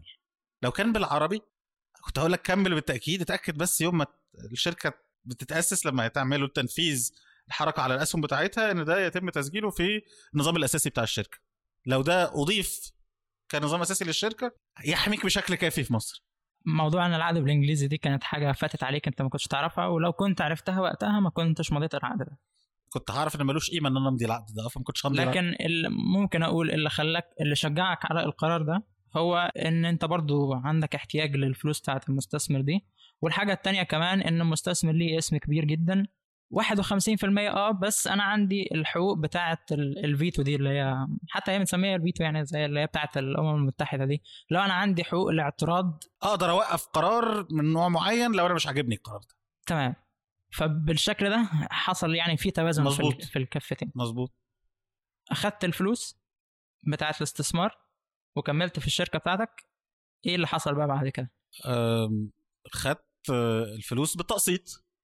حسب الاتفاق مش حسب الاتفاق بتأخير دايما عن الاتفاق آه، فدايما أنت عامل حسابك إن يبقى عندك في البنك جنيه عشان تصرف منه وتنطلق في الحملة التسويقية أنت عندك ربع جنيه ومش متأكد إنك هتعرف تدفع المرتبات آخر الشهر. في مقال مشهور على ومضة إحنا هنحط link ليه في ال show notes برضه لأن المقال ده كان بالنسبة لي هو المرجع الوحيد في القصة بتاعت دير اند ديل دي. في المقال في اللغة العربية متقال إن 3 مليون جنيه تمام اتحطت في رأس مال الشركة واحد ونص مليون أنتوا هتحطوهم وواحد ونص مليون المستثمر. ده مظبوط؟ كل الفلوس اللي كانت بتدفع بقى من اللحظة دي المستثمر هو اللي بيحطها. يعني 3 مليون كاملين هو اللي حطهم. هو اللي حطهم بس هو اشترى نص الشركة زي ما تقول بواحد ونص فأنا خدت الواحد ونص وقمت حاططهم في الشركة. أنا ما خدتش لعبد اللطيف أنا ما خدتش واحد ونص مليون جنيه وروحت بيها. أنا استلمتها صوريا وقمت حاططها جوه الشركة تاني يعني عشان 3 مليون اللي في الشركة دي بتاعتنا إحنا الاثنين بتاعتنا إحنا الاثنين انت والمستثمر إن... إنما أنا معايا شركة وأنت معاك فلوس. فخد نص شركتي واحد هتحط أنت واحد ونص واديني واحد ونص أحطهم أنا باسمي بقينا تقريبا النص بالنص. طبعا أنا بقرب الأرقام هي 51% 49 إنما قرب النص بالنص. ده الطبيعي اللي بيحصل في حالات الاستثمار؟ مش السيليكون فالي. يعني مش ده اللي حاصل من الشركات ال VC ال venture capital اللي بتشتغل النهارده. طيب إحنا في السوق المصري معلش إحنا لا وفي السوق المصري حتى في السوق المصري أنت بتتكلم دلوقتي كل الصفقات يعني سواء بتتكلم على ال deals بتاعه فيزيتا ولا وظف ولا ولا ولا أه وحتى من قبل ما يبقى فيزيتا هو أيام دكتور بريدج أنت بتتكلم كل ده كان لا بيشتغل بنظام ال vesting المستثمر بياخد أقلية أه بيتم تأسيس كيان خارج مصر وعنده كيان في مصر تاني مملوك للكيان اللي خارج مصر. فلا اللي إحنا اشتغلنا بيه ده غير تقليدي بالنسبة للتكنولوجيا حتى في مصر. وليه راس المال المجازف المخاطر حتى في مصر. مفيش صفقة اتعملت بالشكل ده أعرف عنها يعني. بالاستثناءات الكتير اللي إحنا عملناها في في دارنديل عشان نمشي الدنيا. الدنيا بقى مشيت إزاي بعد كده؟ أنت قلت خلاص بقيتوا بتاخدوا الفلوس بتاعتكم الدنيا مشيت إزاي في دارنديل إحنا بنتكلم بقى على دلوقتي أول 2012 أول 2012 الفلوس عمالين ناخدها بالتقسيط التأسيس بتاع الكيان الجديد. جاي آه، متأخر ما تاسسش ما تأسسش الشركة رسميا إلا في مارس وده كان تأخير جامد قوي عن الميعاد اللي إحنا كنا مستهدفينه. آه، إحنا كنا عايزين نبقى جاهزين في أكتوبر السنة اللي قبلها. كنا واصلين لاتفاق تقريبا من وقتها. إحنا اتفاوضنا واتفقنا في سبتمبر وأكتوبر مع المستثمر الجديد. فهو ابتدى حتى المستثمر يديني فلوس من غير ما العقد يكتمل من غير تأسيس الشركة ما يكتمل. ودي من الحاجات اللي لخبطت الدنيا في الآخر برضه بقى. هو مش عارف هو أنا اديتك الفلوس دي ليه؟ اديتك الفلوس دي تمشي بيها الدنيا؟ طب ودي اتحسبت جوه الشركة ولا ما اتحسبتش؟ عملت لخبطة. لأن إحنا الطرفين عمالين يحاولوا يتعاملوا مع الموقف إنما مش مش عاملين كل حاجة بالشكل التحضير الكامل والرسميات الكاملة. آه، فتأسست الشركة فعليا بقى الكيان القانوني اللي كملنا بيه بعد كده في مارس. استمرينا في النمو ولكن في السعودية ما نميناش بنفس النجاح بتاع مصر. يعني مصر كانت اكتساح. كان كل حاجة بنعملها عندنا كل شهر احتفال باكتشاف جديد عملناه. إزاي؟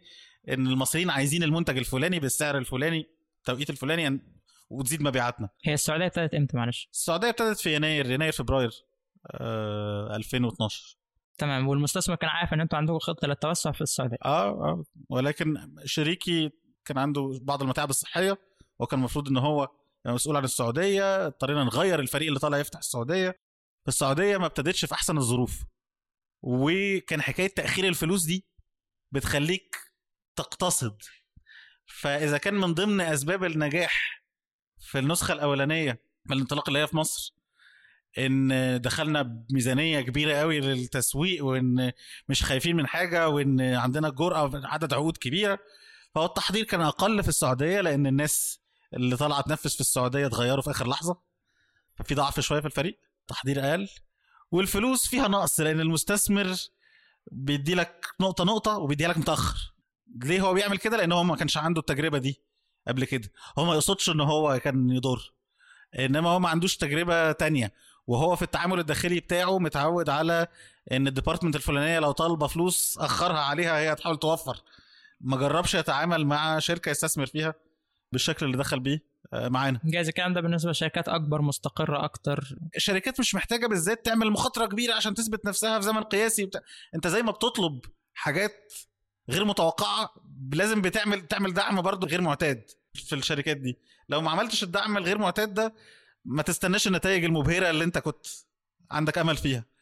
طيب في مارس انت بتقول كان عندكم مصر ماشية كويس. مصر ماشية كويس السعودية بنظبطها هتتحسن انما بنتوسع وكل حاجة بس مش نفس الأرقام اللي كنا نتمناها.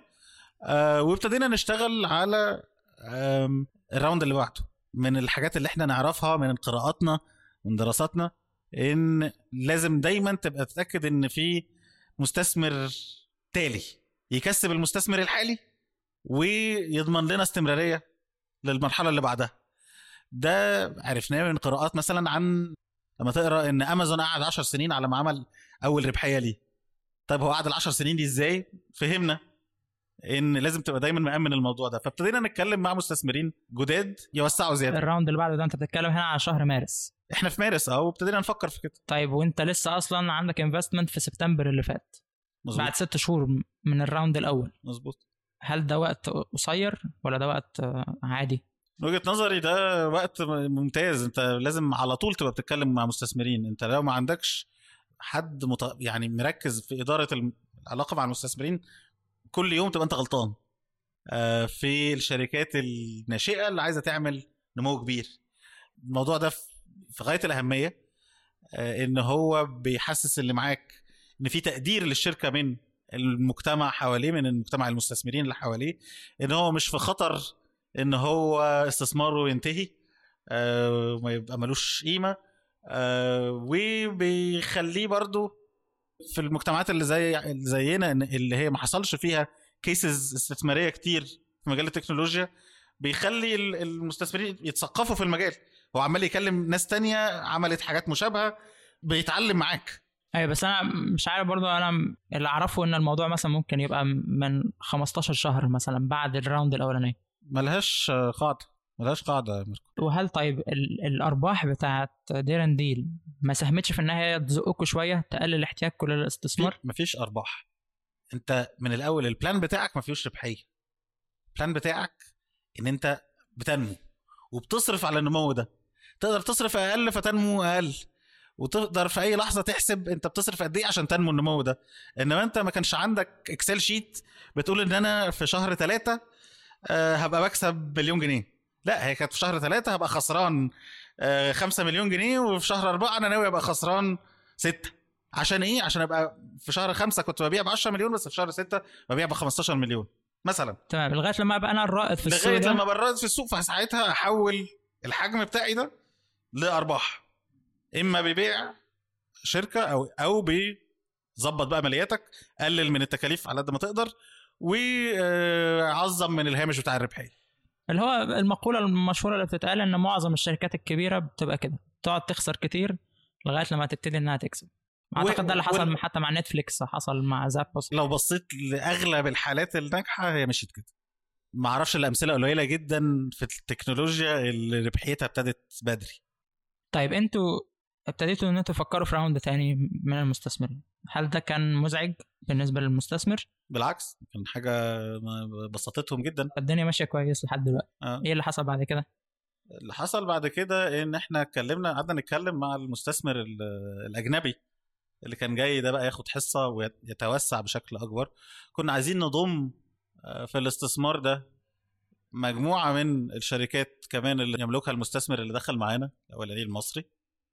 فالمستثمر زاد اهتمامه وزاد إعجابه بال بالمبدأ اللي إحنا بنتكلم فيه ده معناها إن هو هيعلي من قيمة المجموعة كلها مش من قيمة استثماره عندنا بس ودخل في المفاوضات ولكن ما كانش عنده كفريق شغال على الموضوع ده ما كانش عنده التجربة دي.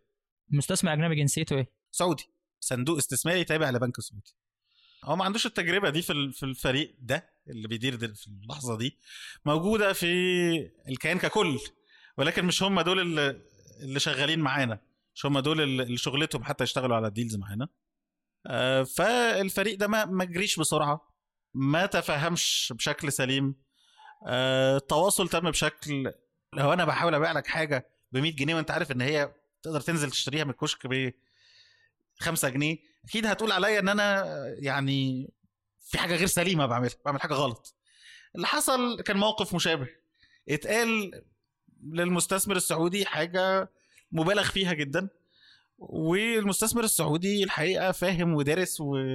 وعارف السوق كله يعني ما ينفعش تقول له على حاجة 5 جنيه إنها ب 100 جنيه. وأنت على فكرة أنت دافع فيها جنيه أساسا. بيعها بخمسة وهتبقى مبسوط. بيع حتة منها بجنيه وهتبقى برضه مبسوط. اللي حصل كان مبالغة بهذا الشكل فمشي المستثمر قال لا هو القيمة خمسة مش 100 وفضل بقى ال- المشكلة طب هو المستثمر مشي يبقى إحنا كده هل في قيمة اللي إحنا بنعمله؟ وكان في اضطراب جامد بقى وقتها في المجموعة دي عند المستثمر لأن كان وقت ما مرسي كسب الانتخابات إحنا بنتكلم على 2012 شهر 6 تقريبا. آه. ده ما كانش موضوع سلس جدا بالنسبة للمستثمر ده. وكان في ضغط إن هو يقول لشركاته آه، توسعي في شغلك خارج مصر. وما تركزوش على مصر بالذات في الظروف دي. آه، وابتدى يبقى في تشكك في طب الاستثمارات اللي أنا عاملها في مصر دي أنا بعملها ليه؟ هي أهميتها إيه؟ ده بان في communication كتير ما بيننا وما بين المستثمر. يا عبد اللطيف شوف لك حاجة حتة بره مصر نتوسع فيها بقى. طب ده مش في الخطة ده هنجيب له استثمار منين؟ طيب هبتدي من ال zero في حتة تانية إزاي؟ ما زال كانت العلاقات ودية جدا حتى بالنغمة دي. وابتدى يحصل بقى نقص في السيولة لأن قربنا من المدة اللي في نهاية ال plan اللي هي محتاج تقرر فيها يا هتكسب يا تجيب مستثمر تاني. آه، فما فيش سيولة كتير. ووقتها قررت إن أنا أمارس الحق بتاعي أنا والمؤسسين فبيع 9% من الشركة بواحد ونص مليون جنيه عشان ناخد الفلوس نضخها تاني جوه الشركة نديها عمر جديد نديها آه، فرصة إن هي تكمل شوية. يعني حتى فكرة إن الراوند الثاني اللي يشتريها برضو المستثمر اللي معاك من الراوند الأولانية دي ما كانتش مطروحة. في الوقت ده إحنا كنا يعني مفيش حد كان متخيل إن إحنا ممكن ما نكملش إن إحنا ممكن نقفل. آه، كان كل حاجة مطروحة. المستثمر كان مستعد يحط فلوس وإحنا كمؤسسين كنا مستعدين نحط فلوس وهو حط وإحنا حطينا. يعني هو حط واحد ونص وإحنا حطينا واحد. أنت بتتكلم ده في نوفمبر إن إحنا نفذنا العملية دي. فلحد لحظتها ده الطرفين بيحطوا من الكاش بتاعهم. آه، في يناير جبت حد إضافي يستثمر. 2 مليون جنيه وفعلا آه، اشترى 10% ودخل ب 2 مليون جنيه. في مارس كل ده على valuation أعلى. كل ده على نفس ال valuation على ال valuation اللي هي بتاعه يوم ما أسسنا في شهر 3 2012 اللي هي اتفقنا عليها في سبتمبر أكتوبر 2011 ال valuation دي اللي هي بتتكلم إن إحنا بالتقريب بالتالي لو بتتكلم بالنظام الأمريكاني يعني دي اللي هتحسبها هتبقى round 24 25 مليون جنيه.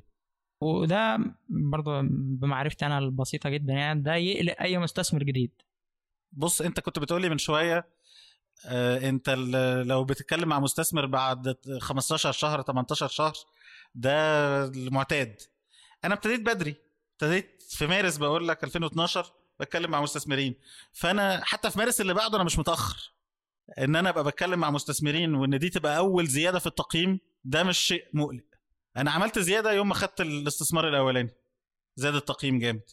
لو اتكلمت إن في زيادة في التقييم جديدة بعدها بسنة وده بعدها بعد التاسيس بسنة بالظبط أنا حتى هبقى بعمل متوسط مدة في المتوسطة أقل من المتوسط بتاع ال- العرف بتاع السوق. أنا بس كنت سريع قوي في إن أنا عايز امن الموضوع ده فابتديته بدري. إنما أنا ما بقتش متأخر حتى بعدها بسنة. آه وكان بيجي لنا عروض كتير على فكرة. كان بيجي لنا رغبة من المستثمرين كتير إن هم عايزين آه يدخلوا لغاية لما حصل بقى اللحظة الحاسمة إن حصل كلاش حصل شد جامد ما بيننا وما بين العضو المنتدب في ناحية المستثمر. قبل كده كانت الدنيا ماشية كويس. قبل كده كان ماشية كويس قوي. أنا أعتقد هم ابتدى يجي لهم قلق وشكوك في يناير فبراير 2013 دخل بعض الناس الجديدة ما يعرفوش آه، الديل ده تم إزاي. الأرقام بالنسبة لهم أنتوا إزاي بتستثمروا في شركة آه، في مصر البلد اللي إحنا مش بالذات عايزين نركز عليها النهارده آه، والشركة دي بتخسر الفلوس بتروح فين أكيد بيسرقوكوا. أنا هنا بخمن أكتر إنما إحساسي إن ده حصل في الوقت ده. واللي جاي ده جاي شخص كوربريت قوي اللي يعرفوا إن الشركة هتشتغل يعني بتكسب. حكاية بقى سيليكون فالي وبتستثمر عشان إن شاء الله في المستقبل هبقى بيع وبتاع ده كلام خيال علمي ما تكلمونيش فيه. ففي مارس حصل شد ما بيننا وما بين العضو المنتدب ودخل فيها بيتهيألي عملية آه، كرامة قوي آه، اللي هو لا أنت لازم تسمع كلامي ولا أنت أنا ما حدش يتحكم فيا. وأدى ده إلى إن الشركة قفلت بعدها بثلاث شهور. الخلاف كان على إيه؟ الأصل الأصل يعني بتاعها العضو المنتدب عند المستثمر بتقول لي المبلغ الفلاني ده هنضطر ما نسددهولكوش مبلغ 250 ألف جنيه للمؤسسين. من الفلوس اللي صرفناها في 2011 بعد الاتفاق الكتابي إنما قبل تأسيس الشركة. فإحنا عايزين إن الشركة تدفعه لنا ترجعه لنا تاني. ده ما هو فات عليه أكتر من سنة وبقى مش في السنة المالية اللي فاتت حتى في اللي قبلها. فهي بتقول لي لا مش هنقدر نسدد ده هنضطر نتغاضى. فأنا مشيت الكلام قالت لي وأنا خلاص اتفقت معاك على كده قلت لها هرجع أتكلم مع التيم. رجعت اتكلمت مع المؤسسين قالوا لي لا مش موافقين على الكلام ده. راحت شركتي الصينية للعضو المنتدب للمستثمر يعني. يعني شركتك الصينية دي الكرسي الثاني معاك في مجلس الإدارة؟ هي الكرسي التاني اللي معايا في مجلس الإدارة. راحت تتكلم تاني راحت تكمل الكلام. اختلفوا مع بعض. العضو المنتدب طردتها من مكتبها خدناها على كرامتنا. إزاي تمشيها بهذا الشكل؟ والناحية التانية لما إحنا بعتنا شكوى خدوها أم على كرامتهم وابتدى الطرفين كل واحد ياخد على كرامته الخطوة اللي عملها الطرف التاني. طب إحنا هنغير الإدارة؟ لا ما تقدروش تغيروا الإدارة. لا نقدر. طب عايزين نعمل اجتماع مجلس إدارة؟ لا ما تقدروش تعملوا اجتماع مجلس إدارة إلا لو أنا موافق. لا هنقدر برضه. وشد بقى ما بين الطرفين وكله ابتدينا نتكلم في حقك بالقانون إيه وحقي بالقانون إيه. واتضح إن العقد اللي بالإنجليزي ده كان مش مرجع ملوش مرجعية في مصر ما دخلش في النظام الأساسي. وابتدينا بقى في قصة تانية خالص شد وجذب. قلت لي قفلته بعدها بقد إيه؟ قفلنا في يونيو 1 يونيو 2013 زي ما فتحنا 1 يونيو 2011 وكانت ابتدت بقى الفيديو مشهور جدا على يوتيوب اللي هو الناس آه، واقفة احتجاجية قصاد آه، الشركة ما بياخدوش المرتبات بتاعتهم. فابتدت جت كده في البداية إن أنتم ما قدرتوش تدفعوا المرتبات بتاعت الموظفين. إحنا عندنا الفلوس كانت تكفي إن إحنا نمشي شوية إنما آه، المستثمر إحنا لينا علاقات بيه إن هو بيدينا فلوس من خلال شركاته على خدمات إحنا بنقدمها. يعني مثلا إحدى الحاجات اللي إحنا بنقدمها كانت رسائل ال SMS اللي بتشرح العروض اللي موجود الموجوده عندنا. تبعت لك عرضين أو ثلاثة كل يوم. وكان عندنا عدد كبير جدا من المشتركين. بيعمل لنا دخل صافي ربحية حلو. الشركة اللي بتعمل العملية دي هي شركة من طرف المستثمر هي مملوكة للمستثمر بتاعنا. بطلوا يدفعوا الفلوس فأنت متوقع إن يجي لك كذا مئة ألف جنيه في الشهر زيادة؟ ما بقوش يجوا. شهر ورا التاني ورا التالت وهو قافل عنك الفلوس ومش بيسدد اللي عليه الحاجات اللي متفق معاك عليها. انت مش متوقع ان هو هيكمل كده بحيث ان هو يقفل شركته؟ لأن هي شركته زي ما شركتك. وهو متخيل إن أنت هتيجي وغالبا تتوسل إليه إن هو يحل المشكلة. وأنا كمؤسس مش عايز أعمل كده خالص مش قابل أعمل كده خالص. فوصلنا للي بيسموه deadlock قفل ومش راضي حد محدش عارف يفتحه. العملية وصلت للطريق المسدود ده. ف في آخر آخر شهر خمسة آه الموظفين بيقولوا آه ودول كانوا موظفين إحنا ما عيناهمش بقالنا كتير ما كان دول ما كملوش ست أشهر آه كلهم دول شغالين معظمهم call center بيقولوا لي المرتبات قلت لهم حقيقي ما يعني إحنا لينا فلوس بس ما فيش آه فيش فلوس أقدر اديها لكم. الشركة خلصت الفلوس اللي معاها والوضع كذا كذا مين السبب؟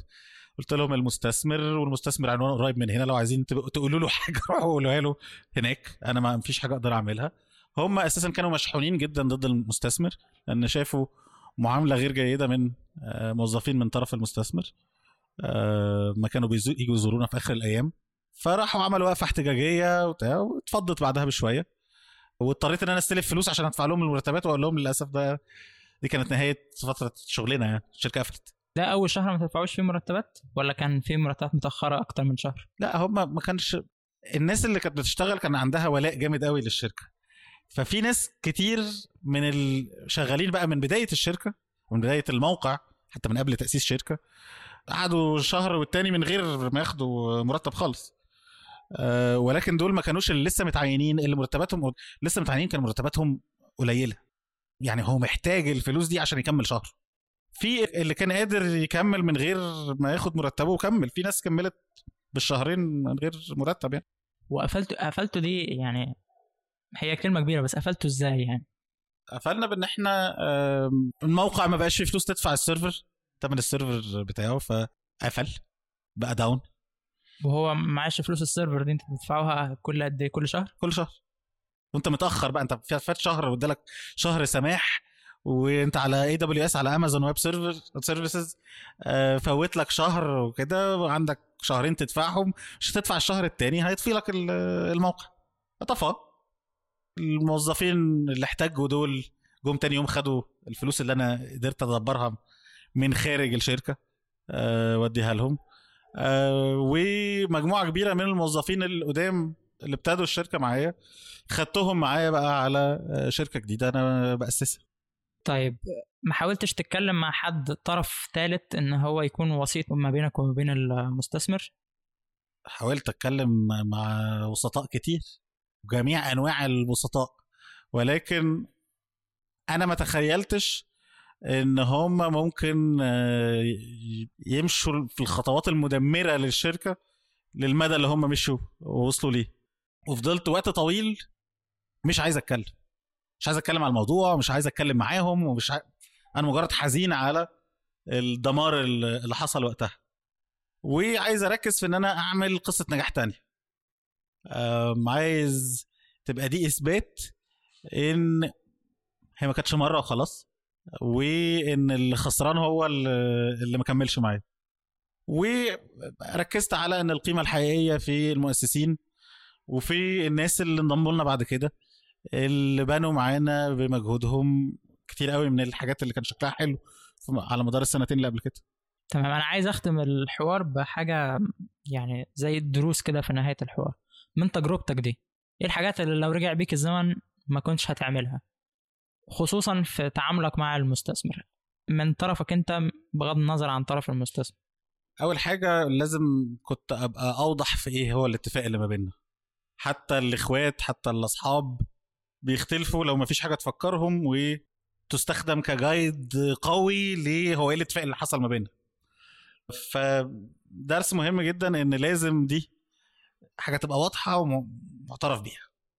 أه حاجة تانية إن محتاج أدور على ال... لما أجي أشارك على الشريك بالذات كمستثمر اللي عنده نفس الرؤية بتاعتي اللي عايز وفاهم يعني إيه إن هو ينمو أه على مدار عدد من السنين مش شرط إن هو يكون قليل وإن هو في أخطاء بتحصل وفي حاجات بتتطور مع الوقت وبتتغير مع الوقت.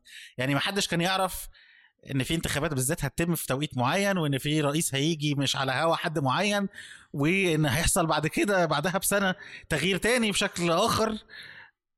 فلازم تبقى جاهز لأن الدنيا دايناميك فاللي يدخل معاك ده يبقى مشارك معاك في نفس الرؤية المستقبلية. مش إن هو بيطوعك وخلاص أو مش إن أنت بتطوعه وخلاص. في دي أنا الحقيقة كان في اختلاف جامد ما بين هدفي وهدف المستثمر بتاعي. فلازم أقول إن دي نقطة مهمة دي لازم الواحد يتداركها دي دي أغيرها جامد. والخلاف اللي في الرؤية ده أنت كنت عارفه من قبل ما تبدأ؟ كنت عارفه بس عمال أطنش عليه. يعني كل ما أقول له لأ هو لازم المستثمر ياخد اقليه لأ أنا لازم آخد أغلبية. أيوه بس العرف في الدنيا كلها إن يبقى في vesting وفي... لأ ما أصل أنا عشان ظروفي كذا. ظروفك كذا عشان هدفك مختلف. أنا هدفي إن أنا هاخد ال round دي واحتمال آخد round تانية واحتمال لأنها شركة ناشئة إن هي ما تنجحش. أنت ما تقدرش تتحمل ك كوربريت كشركة بهذا الحجم وهذا التاريخ إن أنت يبقى عندك حتة بتخسر وتحط انت من مكاسبك عشان تعوضها. أه حد متخصص في الاستثمار في التكنولوجيا يقدر يعمل كده وبيعملوا كده كلهم. فأنا كنت طبعا كان في علامات وأنا كنت بطنش.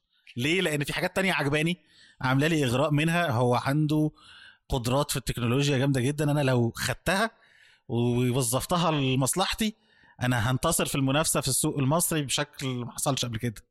فالطمع في الناحية دي بيخليك تطنش على أو تركزش على الحاجات المقلقة. وموضوع المحامي إن يكون معاك محامي كويس. بص كويس أو مش كويس محامي متخصص في العمليات اللي أنت داخل فيها. فلما تيجي تدخل في ديل في عقد مصري هات محامي بتاع عقود مصرية. لما تيجي تعمل عقد مع الخواجة هات محامي بتاع عقود مع الخواجة. ما تاخدش ده وتستخدمه لده. لو على المحامي هي دي النقطة الأساسية. حاجات تانية فيما يخص التعامل مع المستثمر؟ بص بصراحة يعني في حاجات كتير بس اللي أنا قلتها دي هي النقطة الأساسية. تهيألي دلوقتي كمان الظروف أحسن بكتير من ناحية المستثمرين. المستثمرين شافوا كيسز مشيت كويس وحاجات ما مشيتش كويس فالمستثمرين في المنطقة دلوقتي التعامل معاهم أسهل.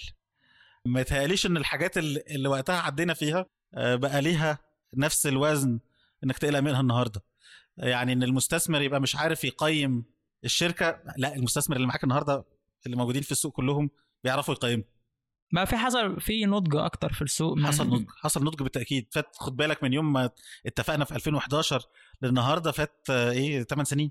فحصل نضج جامد. والوضع كان إن الكل كان ناشئ في الموضوع ده وقتها. آه، دلوقتي ال- في deals كتير اتطورت وشركات كتير اتطورت علمت ال- السوق كله. فكرة إن أندرو ميسون استقال أو مش استقال اترفد في بداية 2013 أنت كنت عارف الموضوع ده؟ آه كنت عارف طبعا. وقتها. آه. فحسيت حسيت بنوع من الإحباط إن هو إذا ممكن يكون الموديل اللي أنا شغال عليه ده ممكن ما يكونش هو الحاجة اللي أنا كنت فاكرها؟ لا خالص خالص. آه، إحنا شفنا وقتها إن أندرو ميسون يعني أنا شخصيا كنت مش ما كنتش بالذات من المعجبين بأندرو ميسون فلما هو اتشال أنا كنت بقول شفته هو كان فكره غلط في كذا وكذا هو كان لازم يركز على كذا وكذا. أنا كان عندي كمان وقت كافي وقتها إن أنا أكون جربت الموديل بنفسي وابتدى يبقى عندي وجهة نظر قوية تجاه الحاجة تتعمل إزاي والتوسع يتنفذ إزاي. لما اتكلمت مع المستثمر وقتها شريكي في الشركة المستثمر كان متعاطف جدا مع أندرو ميسون آه وكان بيقول لا ده هم استخدموه ككبش فدا وإن ده هم المستثمرين هناك اللي وحشين. آه فكل طرف فينا كان منحاز للتاني. وقتها برضه كان مازال التعامل ما بيننا كان بشكل آه كويس جدا. القصة دي حللناها وفكرنا فيها مع بعض. ووصلنا لإن اللي حصل لأندرو ده ما ملوش علاقة بينا في دير اند ديل يعني طبعا أنا نسيت أقول أندرو ميسون هو المدير التنفيذي ل Groupon وهو المؤسس وصاحب الفكرة وكان شاب صغير ساعتها يعني. برضه لسه ما عندوش نضج كبير. لو كانت ديرن دي اتعملت في ظروف أحسن لو ديرن دي اتعملت دلوقتي ممكن يكون ليها نجاح أكبر؟ السوق مختلف جدا دلوقتي. من أهم المميزات وقتها اللي خلت دير اند ديل تكبر إن هي عملت تثقيف للسوق في موضوع التجارة الإلكترونية على نقطة كانت ليها كانت لحظتها انك تدي التخفيض ده في الاماكن دي للناس في الظروف الاقتصادية دي. آه، دير اند ديل لو اتعملت تاني النهارده اللي محتاجة تتعمل بتركيبة مناسبة للظروف الاقتصادية بتاعتنا النهارده الناس عايزة إيه النهارده. آه، لو اتعملت في الظروف دي طبعا ليها مجال للنجاح كبير. آه، مدعومة كمان بالتطوير الكبير اللي عمله سوق دوت كوم وجوميا و إكس في تثقيف الناس في التعاملات. على الإنترنت. آه، يسهل جدا كمان من النمو آه، دلوقتي لنظام ال- الشراء الجماعي وال group buying أنت كنت عايز تروح ناحية إن أنت تبقى online store في وقت من الأوقات. طبعا. أنا كنت شايف إن الفرصة متاحة لسه. سوق دوت كوم لسه ما قفلش السوق. جوميا كان في بداياته. آه وجوميا آه أنا عارف ال- الجماعة اللي فوقيهم ال- الملاك Rocket Internet اتعاملت معاهم فعارف فكرهم عامل إزاي أعرف أواجههم. آه فكنت عايز أتوسع من التخفيضات ل ان أبقى online store متكامل. المستثمر رفض الفكرة دي؟ لا المستثمر كان مبسوط جدا من الفكرة دي. طب ليه ما اتعملتش اتخانقنا قبل ما ننفذ إنما المستثمر بالك إحنا الخطة اللي حطيناها مع المستثمر كانت خطة إحنا والمستثمر كنا مبسوطين منها؟ ولما جبنا الأجانب يستثمروا معانا برضه اتبسطوا منها جدا. في الآخر بس على ما أما الأجانب طفشوا والبلد كان فيها التقلبات السياسية اللي بتحصل دي بقى التركيز على أجل الخطة أجل الخطة لغاية لما حصل خلافات فما تنفذتش الخطة. إنما الخطة كان الكل مبسوط منها جدا وكانت تشمل الموديل بتاع ال online store اللي بيبيع كل حاجة والموديل بتاع ال store in store اللي هو بتخلي الناس تفتح الستور بتاعهم داخليا عندك ويستخدموك كمنصة للتجارة بتاعتهم هم. بتقابل حد من الأعضاء المنتدبين اللي كانوا معاك أو حد من القيادة أو الإدارة بتاعت آه، شركة الاستثمار دي؟ قابلت حد فيهم بعد كده؟ قابلتهم بعد كده في محاولات ل آه، إن إحنا ما يبقاش في ما بيننا آه، مسائل قانونية مسائل قضائية. حصل إني قابلت آه والطلب بتاعك ده اتقابل إزاي؟ ما كانش في ترحيب منهم. آه، كان بيتكلموا على إن أنا إنسان آه، سيء وإن أنا ارتكبت آه، أخطاء جسيمة مش في الإدارة لكن أنا إنسان شرير يعني مجرم يعني. وإن إن هم هيمشوا في الناحية دي لاخرها بقى عندك نوع من الخوف من إن أنت تخوض تجربة زي دي تاني تعمل مشروع بالحجم ده ويدخل معك مستثمرين وكده؟ لا بالعكس. آه، هو لو في حد آه، يعني شاف النواحي الكويسة والوحشة يعني أعتقد إن أنا شفت النواحي الإيجابية والنواحي السلبية آه، للموضوع ده ف لا أنا أعرف يعني ما عنديش خوف من الدخول في حاجة في تجربة مشابهة تاني. آه وبالفعل آه غالبا هيحصل قريب. طب إحنا نفسنا نسمع عنها ونسجل معاك إن شاء الله لما تكون يعني ابتديت وعملت نجاح منتظرينه كلنا. يا رب إن شاء الله. أنا بشكرك جدا على الفرصة دي. آه، عارف إن هو حوار مش سهل لكن آه، أنا انبسطت بيه وأعتقد ناس كتير هيستفيدوا منه وده دي ناس كتير بتبص لها نظرة كبيرة إن هي كانت واحدة من الحاجات ادت أمل للناس إن هم ممكن يحققوا نجاح كبير في المنطقة بتاعتنا. واتمنى يعني إن الحلقة تفيد الناس وإن هم يقدروا يتعلموا منها بعض الدروس اللي هتساعدهم يغيروا المسار بتاعهم. إن شاء الله تكون مفيدة. بشكرك جدا. شكرا ليك. عبد اللطيف بيشغل حاليا منصب مدير موقع الطب في مصر وزي ما قال في الحوار هو شغال دلوقتي على فكرة لمشروع جديد. أنا حاولت أتواصل مع عبد اللطيف أكتر من مرة على مدار الأسابيع اللي فاتت بخصوص نقط معينة في الحوار وهو ما كانش بيقدر يرد عليا لإنشغاله الشديد. أتمنى لك التوفيق يا عبد اللطيف في شغلك بشكل عام ولو أنت بتسمع رسالتي ووقتك يسمح للرد عليا هكون سعيد وممتن جدا ليك. عندي مجموعة من التعليقات أحب أقولها قبل ختام الحلقة. لو الحلقة دي سببت إزعاج لأي حد سواء كان شخص بيسعى لتأسيس مشروعه الخاص فحس بالخوف أو أي حد من فريق شركة الاستثمار اللي كان جزء من قصة ديرانديل حس كأن الحلقة فيها نوع من الانحياز لطرف عبد اللطيف. في الحالتين أنا مش قصدي أخوف حد ولا أضايق حد. ولو ده حصل فالسبب هو إني بقدم النوع ده من الحلقات للمرة الأولى. فبالتأكيد هيبقى عندي أخطاء في تقديم الموضوع بحكم إنها التجربة الأولى بالنسبة لي. غرضي الأساسي من الحلقة دي هو إظهار جانب تاني لريادة الأعمال مش هو الجانب اللي بيجي في بال الناس على طول. وده بالرغم من العدد الكبير للشركات الناشئة اللي بتفشل. التركيز الأكبر في قصص ريادة الأعمال اللي بنسمعها بيبقى مرتبط بالجانب المشرق. الجانبين موجودين وانت كرائد أعمال لازم تبقى واعي ليهم ودارس خطواتك وقراراتك بشكل كويس. أما ديرانديل فهي بالنسبة لي قصة معبرة عن كتير من الأخطاء اللي بيقع فيها رواد الأعمال في تجربتهم الأولى اللي بيكون فيها نوع من عدم الخبرة والحماس الشديد المنحاز للفرصة الكبيرة اللي بيسعوا لاقتناصها. حماسهم ده بيخليهم يرتكبوا أخطاء كتير ممكن تقضي على فرصهم في النجاح.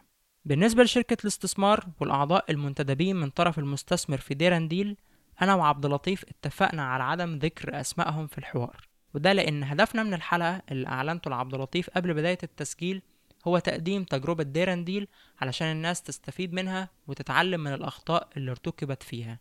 لكن مع ذلك لو في أي حد من الناس اللي كانوا طرف في قصة DareNDeal من ناحية المستثمر وحابب يقدم رد على كلام عبد اللطيف فأنا مستعد للتسجيل معاه ونشر الحلقة في البودكاست. ممكن تتواصلوا معايا عن طريق الإيميل iLife at increaseeg.com بكده تنتهي حلقتنا. من هنا لحد ما نتقابل في حلقة جديدة من البودكاست أتمنى لك دوام السعادة والتقدم.